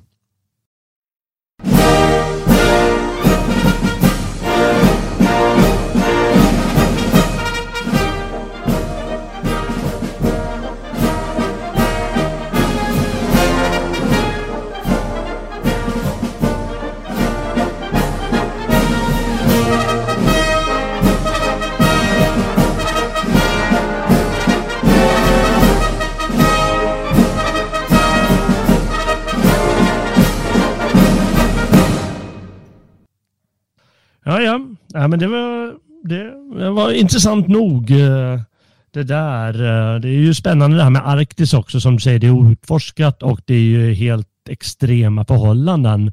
Men, men Sven Edin, han hade väl också viss extre, vissa extrema förhållanden under sina resor, eller? Jo då vars, det hade han naturligtvis. Eh, inte i Arktis då, men eh, däremot eh, när han kartlade hela Transhimalaya han är ju borta i Österlandet men eh, innan han hamnar där så är han i Stockholms skärgård. Alltså saken är den att Sven Hedin som vid 12 års ålder bestämmer sig för att jag ska bli äventyrare, jag ska bli upptäckare. Och vid 15 års ålder ser Vega lägga till och Norden, eh, han kliver ur där med, med, med det. Så har han vid 20 års ålder inte kommit längre än till Stockholms skärgård. Han har inte rest längre än Stockholms skärgård, kan ni tänka er mina vänner. Men det han har gjort det är att han har gett ut, eller ja, åtminstone eh, gjort ett, ett eh, band, en världsatlas eller en världs eh, en, ja, en världsatlas på sex band som han gör själv. Jaha. Ja, han eh, målar och ritar kartor för glatta livet redan som tolvåring också där. Va? Så att eh, han har en intressant eh, en intressant kunskap, alltså en intressant förmåga Sven Hedin tidigt. Han, han skriver bra, han ritar kartor bra och han är orädd och han har den här drift, driften efter att upptäcka och, och så. Men som sagt, 20 år gammal, inte längre än Stockholms skärgård. Vad blir det för äventyr utav det? Det blir ju inte mycket till äventyr då. Men ödet, försynen, Gud eller vad vi kan tänka oss har någonting annat planerat för Sven Hedin. För att med en månad kvar till studenten, eh, året är alltså 1885, då får han frågan från rektorn på skolan. Hörru du Sven Hedin, har du lust att åka iväg eh, och eh, vara lärare eh, åt en, en pojk som ska ner till Kaspiska havet, till Baku. Ehm, och det här var inte en, en, expedition med strapatser och elände utan här var det eh, några som jobbade åt bröderna Nobel eh, som skulle iväg. Eh, så att det var ju en fin, trevlig liten mysresa det här. Men då skulle Hedin då arbeta åt dem här för att ge den här pojken, då, den här gossen, en, en bra utbildning. Hedin tänker efter och tänker att jo jag vill iväg, jag vill längre än till Stockholms skärgård. Så att han tackar såklart. Ja, vilken ja. Eh, smådryg lärare kände jag. Så här, du har en månad kvar till studenten, men kan du sticka nu? Ja. Rektor till och med. Rektorn till och med. Ja, Men han kanske ville ge Hedin chansen här. Det är ju inte omöjligt heller. Uh, han gör det han gör. Han tar med sig, uh, åker med på den här resan neråt och uh, Eh, 1886, då ett år senare, så tar pojken studenten eller gossen eller ja, så. Var på Sven Hedin då helt plötsligt blir helt fri att kunna göra vad han vill. Och det han vill det är att resa. Han ska resa genom Persien tillsammans med en kille han har hittat där. En kille som heter Baki Kanov. Jag har ingen aning om vem det är. Men eh, ja, de slår följe. Eh, och tar båtar och seglar och de tar häst och allt möjligt. Återigen, det är inte de här jättestrapatserna va? men det är ändå lite, lite äventyrligt för att de, de reser på, på lite okända vägar. Inte det att, att Persien är okänt utan att för dem ehm, och som svenskar och bara dra ner där. Va? Men det är intressant också för att här nere i krokarna så, så, finns det ju svenskar sedan tidigare som sagt. Bland annat så blir han vän med eh, Dr. Hübinette och Dr. Hübinette han är alltså tandläkare åt den iranska shahen. Eh, och han blir ju kompisar och bjuds in, du vet, de sitter och snackar och röker och, och, och, och dricker te och har det trevligt. Och då får han ju också ett introduktionsbrev. Då. Så att eh, han, han tar sig fram. Baki, kompisen, han blir sjuk. Va? Han blir sjuk, hör och häpna. Och då tänker Sven Hedin, vad gör jag nu då? Han är i eh, Bushir vid Persiska viken. Eh, eller det är han inte alls det. Utan han tar sig till Persiska viken, till Bushir, uh, 29 dagar själv för att han lämnar då den här sjuka kompisen och tänker jag drar vidare. Jag tänker inte sitta här och vänta. uh, utan utan han, han drar vidare. Det här kommer hända några gånger under Sven Edins upptäcktsfärd att han, han lämnar folk bakom sig om de inte håller hans takt. Uh, kan förstå honom lite grann där. Va? Men det här är ju ganska spännande för honom. Det är ju en ung Sven Edin som är ute och reser på på eh, liksom ödsliga vägar för sig själv. Men det han gör är att han eh, också stannar överallt. Det är det här, jag hade aldrig kunnat resa med Sven Edin. För att han stannar överallt. Han ritar av allt han ser. Han gör mätningar. Han räknar ut. Eh, alltså gör kartor. Han är hopplös.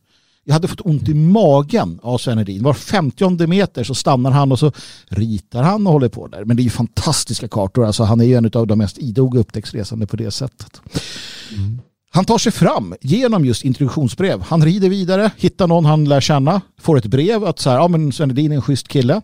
Rider vidare, visar det till någon annan eh, och så vidare. Och på det sättet så hankar han sig fram här och, och till sist kommer han då till Bushir. Eh, och där är det slut på pengar Finns inte en spänn kvar i plånboken. Sven Edin står där i Persien och tänker, vad sjutton gör jag nu? Jo, men det är klart att han träffar Aga Mohammed Hassan. En ny kompis. Ja, den gamla liraren. Den gamla liraren vet du. En köpman, Aga Mohammed Hassan. Och Hassan, han ser ju på Sven Edin och tänker, du är ju svensk. Det är ju Karl den XIIs kille. Alltså för länge sedan, samma folk i alla fall. Då. Och han blir mäkta imponerad av att ha en äkta Karl XII ättling svensk kille i sitt hov. Så att han eh, bjuder hem honom till sig och löser då hela penningafrågan. Bara ger Sven din pengar och säger här fick väl säkert ett brev också. Eh, så att eh, ja, Sven Hedin sitter där ett tag, tackar för sig, drar vidare till Konstantinopel. Och det är ju dyrt att resa i Persien den här tiden. Det är dyrt mutor överallt så att pengarna börjar ju sina. Och det, det blir inte bättre än att han också vid tillfällen får jaga iväg rövare. Uh, han hamnade i slagsmål med soldater uh, för att de här soldaterna försökte avkräva en mutor. För tillfället hade Svenedin ingen lust att betala mutor. Um, så han svarar då uh, högt de här vid profetens heliga skägg. Ni kommer inte få ett enda öre av mig. Och då blir det slagsmål. Ehm, så att han håller på och röjer runt helt enkelt i Persien eh, under den här tiden. Eh, och eh, rider sedermera tillbaka då till Adrianopel. Men ja, som jag sa, Sven Hedin han envisas ju med att rita, skissa överallt, hela tiden, överallt vart han än är. Och vad händer då? Jo, man blir anklagad för spioneri i Adrianopel. För militärerna ser att han sitter där och ritar och skissar och säger vad håller du på med din gamle spion? Va? Men eh, Hedin menar ju att jag är ju ingen spion. Det, det, nu har ni ju fel. Jag är ju upptäcktsresande. Eller ja, inte riktigt ännu. Va? Eh, och det här kan gå riktigt illa. Men Sven Hedin har ju varit ute på resor och han har ju lärt känna en massa människor. Så att eh, det är ju inte konstigare än så att befälet visar sig vara en kille som Hedin har suttit och druckit kaffe med tidigare. Och då blir han ju naturligtvis släppt och får resa hem. Ändå så härligt så här i alltså, arabvärlden kontra svenska fikakulturen. Det blir en mashup där liksom. Ja, men jag har fikat med honom så att han kan inte vara spion. Nej men precis. Det är, det är lugnt. Ja, jag jag druckit kaffe med honom. Hela den här idén om att du reser runt på det här sättet. Va? Men faktum är ju att Eh, Eh, om man, om man är lite om sig och kring sig så kan man göra det fortfarande. Det är något som människor glömmer bort. Men, men eh, jag är rätt säker på att du kan ta ditt pick och pack och dra iväg. Nu är det lite oroligare tider. Persen finns ju inte på det sättet. Och, ja, det är lite krångligheter. Men eh, det är inte så att människor har förändrats så mycket på det sättet. Du kan gott och väl ta dig upp i Atlasbergen i Marocko och, och lära känna någon familj och käka ris och ha det trevligt. Även utan filmkamera. Ja, om du inte är dansk eller norsk eh, liten tjej, då ska du inte vara absolut. i Atlasberg. Absolut, absolut. Eh, men det, det, är ändå härligt på något sätt det här som händer då. Men han tar sig hem, Sven Hedin eh, tar sig hem och färdas faktiskt över Göta kanal. Och vem träffar han där? Jo då, han träffar Ibsen. Henrik Ibsen och Sven Hedin snackar med varandra. Och, det blir ju lite känt också det här. Sven Hedin blir känd som en, en en modig yngling kan man säga. En, en modig ung man som ensam har färdat sitt land så här långt bort. Och han, han blir inbjuden till olika tillställningar, får tillfälle att berätta om vad han har gjort och så vidare. Han ger ut sin första bok också. Den ges ut av Bonnier och heter Genom Persien, Mesopotamien och Kaukasien. Och här kommer ju Sven Hedin till sin rätt. Just det faktum att han ett gör de här resorna, eller den här resan. Två, gör alla anteckningar och ritar och allting eh, kartor etc. Men att han också skriver den här boken. Han kommer fortsätta skriva böcker om allt han gör. Vilket gör honom väldigt känd och, och, och liksom alla kan ta del av det än idag. Det är lätt att hitta Sven Hedins böcker och dagböcker och det är böcker om det ena med det tredje och allting. Så att det här är ju något som skiljer Sven Hedin från många andra just att han är också en, en författare, en berättare på ett helt annat sätt kanske än många andra. Ja, man kan väl säga att Hedin är någonstans eh, alltså den sista riktiga skalden. Alltså för han skriver ju ner, inte sitter och sjunger och så, men han, han berättar ju på ett otroligt alltså, inbjudande sätt ja. skulle jag vilja säga. Som gör att man, man är där. Precis, man, man är med och reser. Och man, man får verkligen ta del av hans äventyr på, på ett sätt som många författare faktiskt inte kan göra skulle jag vilja säga. Nej men absolut och då kan ju också frågan ställas eh, hur mycket saltas och kryddas berättelserna. Det vet vi inte men eh, kanske en del. Eh. Ingenting, jag är av den punkten, jag tror på Hedin. ja. Hedin ja, i alla fall. Det är klart att han talar sanning hela tiden. Ja, det är klart att han gör det va. Nåväl, Hedin är hemma, har gjort en resa som inte alls är en upptäcktsresa. Han har ju bara glidit runt i Persien och haft det, egentligen haft det ganska bra. Eh, men eh, någonting växer inom honom och eh, han ser att det här är det han vill ägna sig åt. Men han känner ändå att han måste göra lite annat. Utbildningen måste ju avslutas. Han drar till Tyskland.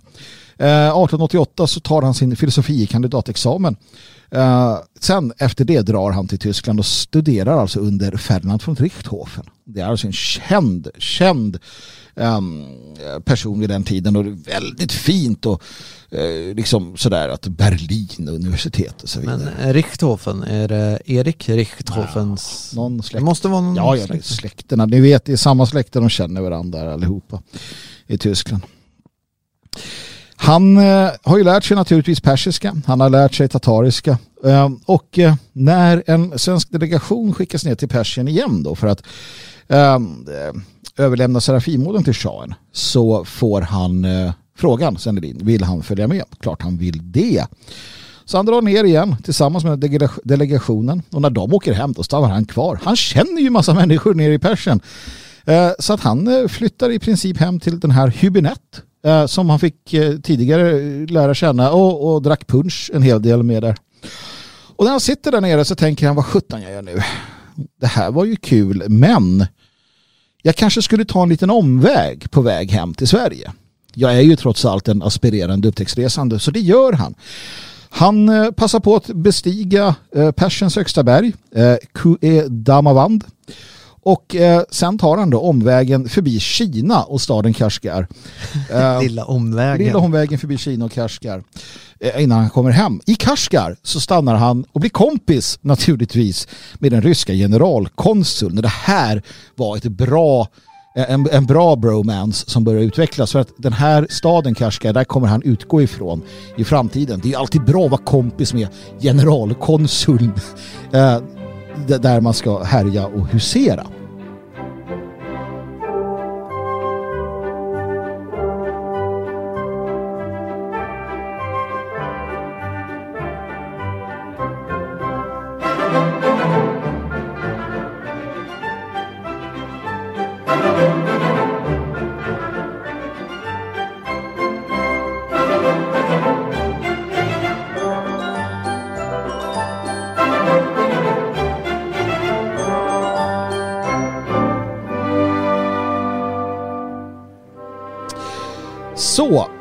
Efter denna lilla omväg som inte heller är sådär vansinnigt strapatsrik men nog så jobbig för sådana som oss moderna eh, oduglingar så kommer han hem igen och skriver lite böcker eh, ett par stycken som ges ut eh, och blir då ännu mer känd.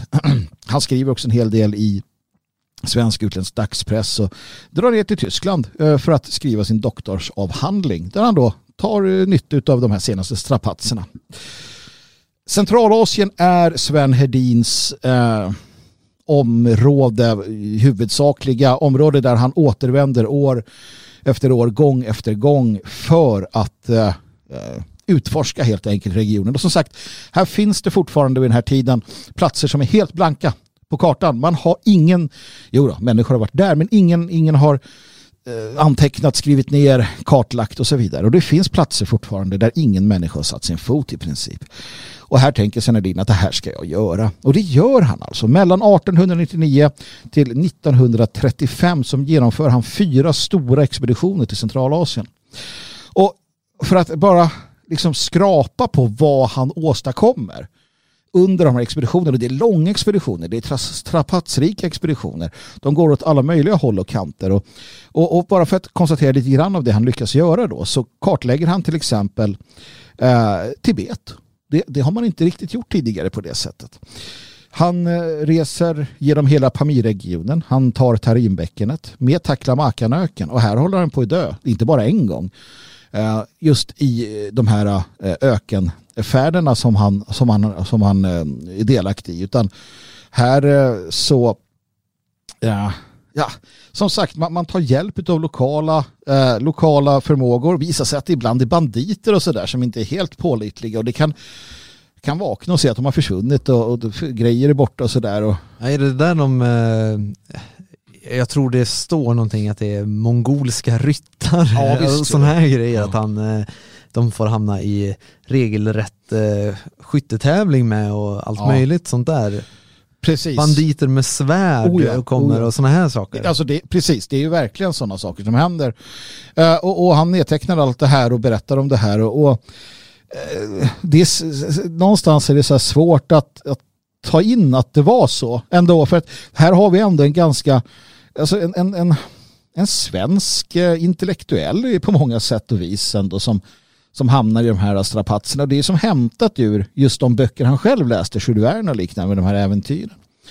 Eh, och, och mitt upp i allt det här då, där det flyr vin i kulor och ja, han, han försöker ta sig in i Tibet och det går ju inte. Och han blir utkastad och han försöker smyga in i Tibet och bli utkastad. Till sist så lyckas han bli kompis med, med eh, eh, eh den här Panchan Lama, en av de här lamorna där. Um, alltså det är det här att du har en blandning mellan äventyren och den här, äh, den här äventyrsfyllda um, livet. Och det är det också som är så fascinerande med Sven Hedin. Va? Visst, man kan någonstans, okej, han upptäcker Uh, han upptäcker den här uh, sjunkna staden, um, Danda Oilik uh, i öknen. Han, han hittar flera andra sådana här saker. Han löser ju gåtan med Loop Nor, den här sjön som byter plats. Jättekänd sjö, ingen fattar varför den håller på att byta plats. Men det, det kan Sven Hedin lösa gåtan. Ja, och det, det har att göra med att den vandrar mellan två lägen lite beroende på ja, vad som händer och sker där i, i ehm, ja, eh, geografin och med väder och vind. Och, Och då ska vi komma ihåg att det här fenomenet har ju Alltså befolkningen runt där, de har ju pratat om det här i tusentals år. Det är ju precis. alltså det är ju, man kan väl nästan säga att eh, han hittade Atlantis. Oh alltså alltså oh ja. hade det varit i modern värld, framförallt för dem i Asien. Mm. Det här har ju blivit en sägen under många liksom, generationer som bara, för, ja, det finns eh, liksom en sjö där. Mm. Men vi vet inte om den finns. Nej, precis. Men den finns. Och där kommer Sven Hedin. Eh, de håller ju på att dö allihopa i den där öknen. Då. Det är sju kameler och två färdkamrater stryker med. Sven Hedin överlever, men han löser den här gåtan då helt enkelt. Och, ja, han är ju mäkta känd och det här blir ju en jättegrej. Va? Ehm, verkligen en jättegrej när han, när han kommer med, med sina eh, berättelser och, och allt som händer. Han, han försöker nog lösa, eh, han kartlägger som sagt Tibet. Och han finner en annan, han finner ju två förlorade städer eh, när han är ute och drar omkring där på, på stäpperna. Det är helt fantastiskt. Jag, jag blir glad om man hittar nycklarna hemma. Liksom. Ja men precis, precis. Den tredje expeditionen till eh, samma område. Då bestämmer han sig för att nej men nu har jag varit ute på de här slätterna och sådär. Nu ska jag, nu ska jag kartlägga eh, eller först ska han upptäcka, sen ska han kartlägga eh, bergskedjan norr om Himalaya. Som han då kallar för Transhimalaya. Det känner han är en bra idé. Jag upptäcker den och sen ska jag kartlägga den. Så det gör han. Han drar runt i bergen helt plötsligt och börjar kartlägga allt. Och återigen, han skriver och skriver och ritar och berättar och gör kartor. Och som du var inne på Ludvig så, så är det inte bara liksom reseskildringar om, om hur det ser ut i geografi så det är också om människor och liknande. Till exempel så berättar han att tibetanerna det är ett fredligt och gästvänligt folk. Men myndighetspersonerna de motarbetar europeiskt inflytande. Eh, och det är intressant också. Du får alltså hela den aspekten utav resorna. För att Sven Hedin är en ytterst politiskt tänkande människa. Det är inte bara det här intresset för människor, kulturer och hitta gamla städer och rita berg. Utan han är politisk. Han blir indragen i politiska, eh, politiska spörsmål under sina resor. Som sagt, han är i Kina. Det blir inbördeskrig där rätt vad det är. Och det är revolutioner. Och han han, han befinner sig mitt i det här hela tiden och det är Ryssland och det är kompisar här och där och sådär och han håller på så här under hela sin, i hela sin aktiva tid faktiskt. Eh, den, den fjärde och sista expeditionen som då sker eh, mellan åren 1927 och 1935 eh, så, så ändrar expeditionen karaktär. Nu har vi alltså flera expeditioner tidigare där han har varit ensam, slagits med, med rövare och hela, hela allt det här. Va? Men den här sista expeditionen så ändrar det karaktär. Han är ju vid det här laget världsberömd. Han, han håller föredrag på, på, på Royal Society i, i, i London vill jag minnas. Och du vet, han är uppskattad och omtyckt i Kina. Han är kompis med dem. Och alla vill hjälpa Sven Hedin. Alla vill att det ska bli så bra som möjligt för honom. Han blir, han blir sponsrad av Lufthansa. Eh, för att de vill kunna eh, hitta eh, platser att landa på med sina flygplan. Och det, det är upp till då Hedin att försöka hitta dem i Transhimalaya och sådär. Så att den här sista expeditionen, den, den är snarare som de säger, eh, att han var, han var ledare för ett vandrande universitet.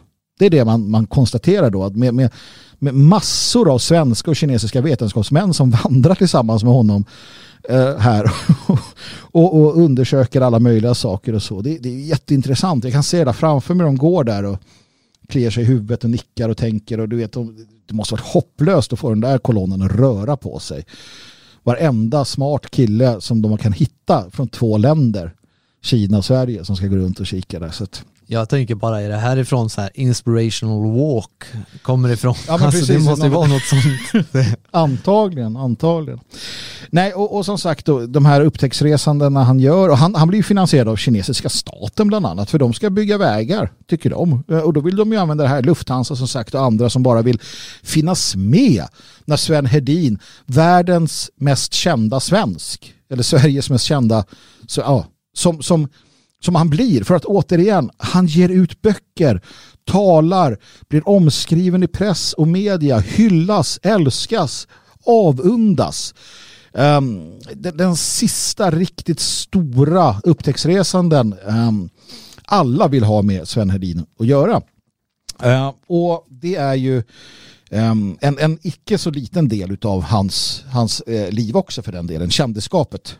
Ja, och det är ju någonting vi kan se som används flitigt av diverse liksom, stater och även i svensk inrikespolitik. Vi har Borgårdskrisen där han figurerar och är det, jag tror det är väl självaste fyren i tyska riket som, eh, som eh, beundrade Sven Hedin och ja, Hedin fick väl motta medaljer från diverse ja, nationer. Så, han hade så mycket medaljer så han visste nog inte vad han skulle göra med dem till sist. Han blev adlad också, sista svensken som blir adlad.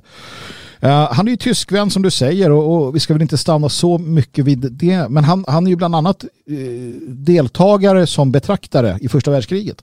Skriver två böcker om det naturligtvis.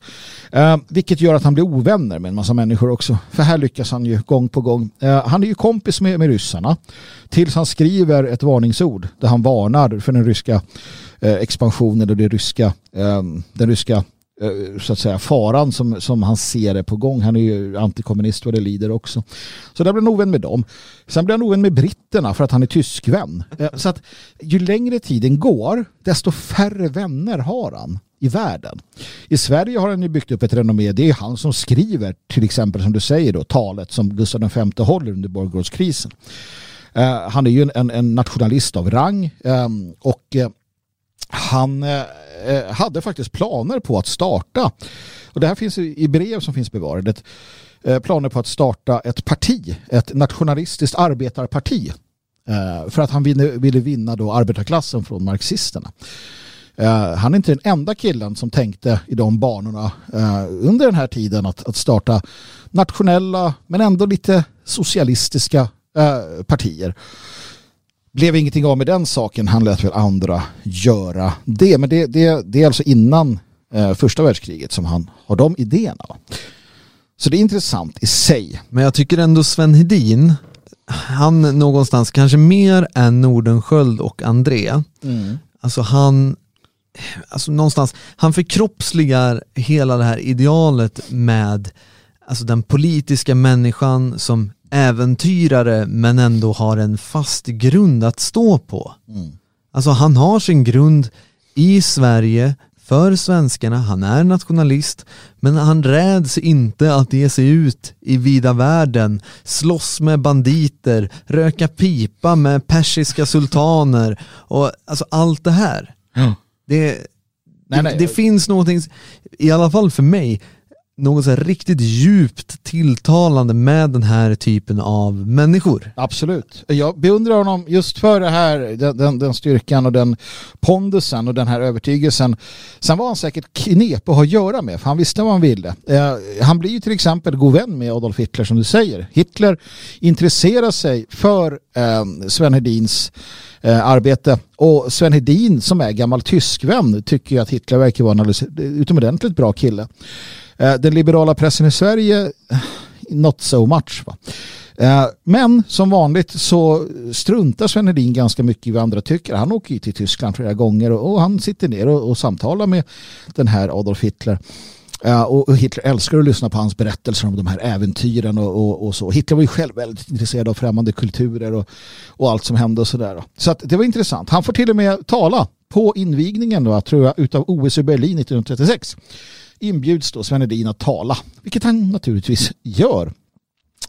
Eh, 37 så skriver Sven Hedin en bok. Eh, den heter Tyskland och världsfreden. Först hade han skrivit den på tyska och det här är lite av ett försvar eh, för nationalsocialisterna. Eh, men i denna så kritiserar han den tyska judepolitiken. Sven Hedin är ju sextondelsjude, vilket eh, han har fått höra. Eh, Gång på gång på gång ja, under, genom åren. Alla ja, ja. hans belackare har ju tagit fram det. Svenska, svenska Eh, svenska belackare, både bland eh, liksom, nationella och andra, har ju liksom påpekat hur du, du är ju jude liksom. Det var ju poppis på den tiden att klaga på judar just på det sättet. Då. Mm. Men i alla fall, då skriver han i den boken att eh, ja, han är inte helt nöjd med judepolitiken. Varpå den blir förbjuden i Tyskland. Eh, och, och, det blir då inte någonting, eller förbjuden blir det inte, men den blir aldrig upptagen på tyska förlag. De känner väl att det är ingen idé att försöka ge ut det här, det var inget kul. Det skiter han i. Han skriver den på svenska istället och ger ut den. För att han kryper inte. Han kryper inte. Det är lite som, som eh, Knut Hamsun sedermera. Kryper inte. Nej, det gör vi inte. De kan vara sympatiskt inställda. De kan gilla det ena och det andra. Men nej, vi tänker inte bara krypa och ligga på knä. Han fortsätter vara tyskvän. Han fortsätter vara medlem i Riks, Riskföreningen Sverige. Risk. Riksföreningen Sverige-Tyskland och engagemang och, för tyskarna och sådär. Men, men, eh, men inte, inte villkorslöst helt enkelt. Han är ingen medlöpare och det tycker jag är spännande med honom också. Eh, ja, Hedin fortsätter eh, att vara politiskt intresserad, arbeta på det sättet. Men naturligtvis eh, på grund av sina ställningstaganden för tyskarna ehm, och tyskarna förlorar kriget så blir han en, en eh, alltså han blir inte helt paria, det blir han inte, men nära nog i, i, i efterkrigstiden helt enkelt. Han han eh, blir, blir sittande, förvisso ledamot i Svenska Akademin och, och lik, liknande saker då. Eh, skriver dagboksanteckningar på, på sin ålders höst, eh, minns vad han har varit med om. Eh, men eh, han, eh, han, han blir aldrig den här kändisen därefter som han var innan. Va?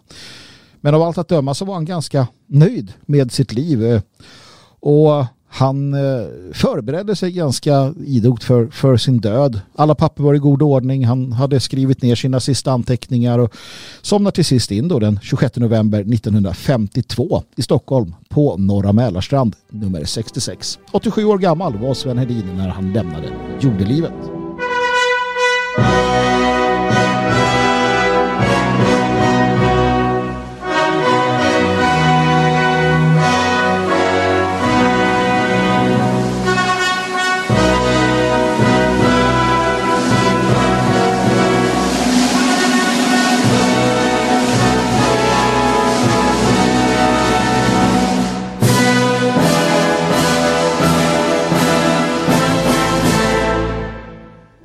Det som är så mm. fantastiskt uh, med det här skulle jag vilja säga är ju visserligen hela hans upptäckter, hans strävan efter det här att hitta något nytt. Han vet vad han vill från födseln. Alltså det finns Förstå mig rätt här nu, uh, det finns något messianskt över det här. Alltså han, är, han vet direkt vad han är ämnad för. Och han kryper aldrig för någon någonsin. Mm. Däremot, eh, du nämner det att han, han blir ju inte paria i, i det svenska samhället, men om man tänker till lite, för det ligger oss ganska nära nutid. Mm. Det är inte mycket man får lära sig om Sven Hedin i svensk skola idag. Nej, nej. nej och det är lite samma öde som har fallit över eh, Rudolf Kjellén. Extremt känd utomlands eh, på, på, bland statsvetare och liknande. Samma sak, Sven Hedin är ju hyllad fortfarande och väldigt omtyckt internationellt. I gamla sosse-Sverige så har man försökt sudda bort honom i princip. Och det, det är snarare en, en, en, en liksom internt svensk åkomma än vad det är någonting som internationellt är, är rådande. Absolut är det så. Jo, det, Ja, vi har sådana här program ska, ska säga. Så det är för att vi måste återuppliva sådana här personer för den svenska publiken. Mm. På allvar för att visa det storartade de har åstadkommit och eh, inte minst deras personligheter. Alltså vilken kraft i personerna vi, vi, vi får höra här. Mm. Nej men verkligen, verkligen. Ja, och jag, kan, jag kan ju bara tycka, om vi tar som fallet André, där har vi ett sånt, alltså ett sånt fall som har lyfts upp av Sveriges Radio och, och sånt där. Det, det gottar sig i det här misslyckandet. Mer, alltså nog för att det är värt att titta närmare på och det är värt att, att läsa om André och liksom den polarexpeditionen. Men jag tycker att det har legat mer fokus alltså i populärhistorien på de svenska misslyckandena från den här tiden. Och jag menar när vi har en sån superstar som Sven Hedin som kommer, alltså det finns ingen i hans like. I alla fall inte min mening men jag, jag tror det är ganska överens med, med många liksom runt hela den här jorden Mm det är, för mig så är jag, jag tycker mig ana någonting bland de här populärhistoriska tidskrifterna att man inte, man vill gärna inte lyfta fram vad vi faktiskt har att vara stolta över. Däremot kan vi kanske skratta lite åt den här ballongfärden som störtade ner och nästintill oduglig förklara André. Det finns en, en bra eh, tjock eh, eh, biografi över Sven Hedin som jag kan eh, tipsa om. Den är utgiven för några år sedan. Eh, finns i välsorterade boklådor. Ehm, förutom hans egna verk då. Men det kan vara, det kan vara skönt att läsa någon annans tankar om honom. Så att den, den rekommenderar jag. Det är bara att söka på de vanliga sökplatserna. Jag har inte i, i huvudet vart, eh, vad den heter eller vad den, vad den, vem som har skrivit den. Ja, men det som är bra med, med, med en sån bok det är ju just som, menar, som du har redogjort för här, eh, ett, vi kan kalla det de här äventyren. Mm. Det är inte bara liksom uppe i Arktis och, och det är inte bara i vetenskapens tjänst och så, utan det är liksom träffa personer och sitta och dricka kaffe och eh, råka ut för banditer. Och det, är ju, det är ju helt fantastiskt att läsa om, om det. Och, ja, det, det, det, det är en sån hjälte som man storknar. Ja. Det är verkligen roligt höra Mm. om eh, varje Även om man hört det tusen gånger förut så, så får man hela tiden nytt perspektiv och, och lite nytt liv i berättelsen. För Mm. det behövs ju hela tiden. Absolut, Nej, så vi får återkomma till de här herrarna och eh, fler än så, eller fler än dem naturligtvis. Eh, just för att ge lite nytt liv i berättelsen och, och ja, det, det tycker jag är bra. Ett tips är att eh, ta er till uh, Norr Mälarstrand 66. för i foajén där så är det en stor karta ingraverad i väggen över Centralasien och hans, för hans resor där. Väldigt fräckt. För de som inte vet det. Men nu har jag en viktig fråga till er. Eh, vad för sorts människa ni är. Vilken upptäcktsfärd skulle ni helst vilja följa med på? Förutsatt att André eh, lyckats, eh, ska vi väl eh, tillägga här. Att det hade gått vägen med den här ballongfärden och han nått Nordpolen och eh, lite strapatser och umbäranden och så, men ändå tagit sig vidare till Alaska eller vart han vill landa. Ja, vilka, vad, vad ligger för er egentligen? Ha, alltså hade han lyckats så eh, då känner jag då är det ganska jämnt lopp. Alltså för att då Alltså Mm. alla är ju otroliga äventyr och otroliga upptäckter men eh, ja, hade André inte, hade de inte kraschat och ja, så jag hade gärna flugit runt över Nordpolen, druckit portervin och dragit eh, röv, rövarhistorier med ingenjören faktiskt. Jag kan tänka mig att Okej. han, ja men jag, jag tror det, jag tror det. Jag, Ja, är, jag är rospigg, eh, Vega. Ja, du, du skulle kört med Vega. Absolut, det är ett fartyg. Jag är rospigg. Jag, jag väljer Ja, du- alltid fartyg. Alltid. Du kanske hade gjort som eh, en utav, jag tror det var kocken på Vega. Han eh, hatade landbacken så mycket att han vägrade gå i land på hela resan. Mm. Nej men det hade jag gärna gjort. Efter en, efter en tids eh, omställning, det var länge sedan jag var på havet, men absolut, land har man inget egentligt behov av. Okej. Ja. Det var säkert kallt där i öknarna och uppe i bergen eh, för Hedin, men frågan är alltså om jag inte tagit den uh, resorna med honom istället uh, för där uppe i Arktis. Ja, jag tror det. Jag har dragit med Hedin med risk för uh, livet för banditer. Kanske lite bättre att stöta på isbjörnar, jag vet inte. Men uh, jag kör Hedin. Då vet vi det. Uh, men det var storartat. Uh, sådana här berättelser behöver vi ofta höra, tycker jag. Och de måste berättas ofta. Och det är kul att sitta och gagga om uh, när man träffar varandra och, och så vad man, vad man känner till om det här. För som sagt, jag berättar det för min son väldigt ofta. Och han sitter med stora ögon. Jag hoppas att ni gör något liknande.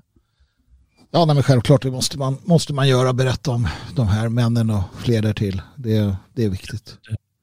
Och så att sagt, hjältarna lever vidare. Ja. Och som sagt, eh, de som flyger upp i rymden och de som gör alla dessa saker också icke att förglömma. Alltså nu, mer nutida eh, våghalsar upptäcks resande. Ja, det gör det. Det, det tar inte slut, eh, vår strävan. Men som sagt, det är kul att höra om svenskt stålpsyke, svenskt mod, svensk viljekraft och svensk strävan. Den är ännu inte slut hoppas jag. Eh, ja, tack kamrater för, eh, för de här härliga inläggen. Tack själv. Tack själv. Trevligt. Tack, tack. Gud är med oss,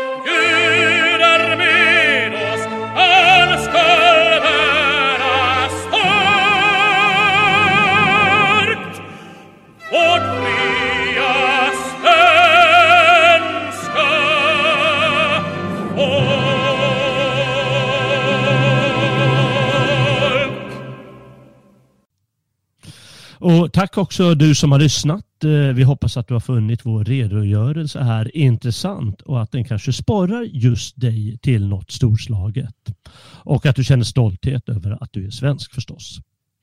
Om du gillar vad du har hört eh, eller våra andra program får du gärna stödja vår verksamhet genom en prenumeration på Radio Svegot. Då bidrar du till att göra vår fortsatta produktion möjlig och få ännu mer variation och kvalitet. Allt om det kan du läsa på Svegots hemsida.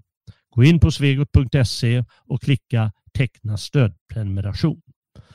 Håll också ögonen How powerful is the Cox network? So powerful that one day the internet will let your doctor perform miracles from thousands of miles away, Connecting to remote operating room. giving a whole new meaning to the term house call. Operation complete. The Cox network, with gig speeds everywhere, it's internet built for tomorrow, today. Cox, bringing us closer. In Cox serviceable areas, speeds vary and are not guaranteed. Cox terms apply, other restrictions may apply.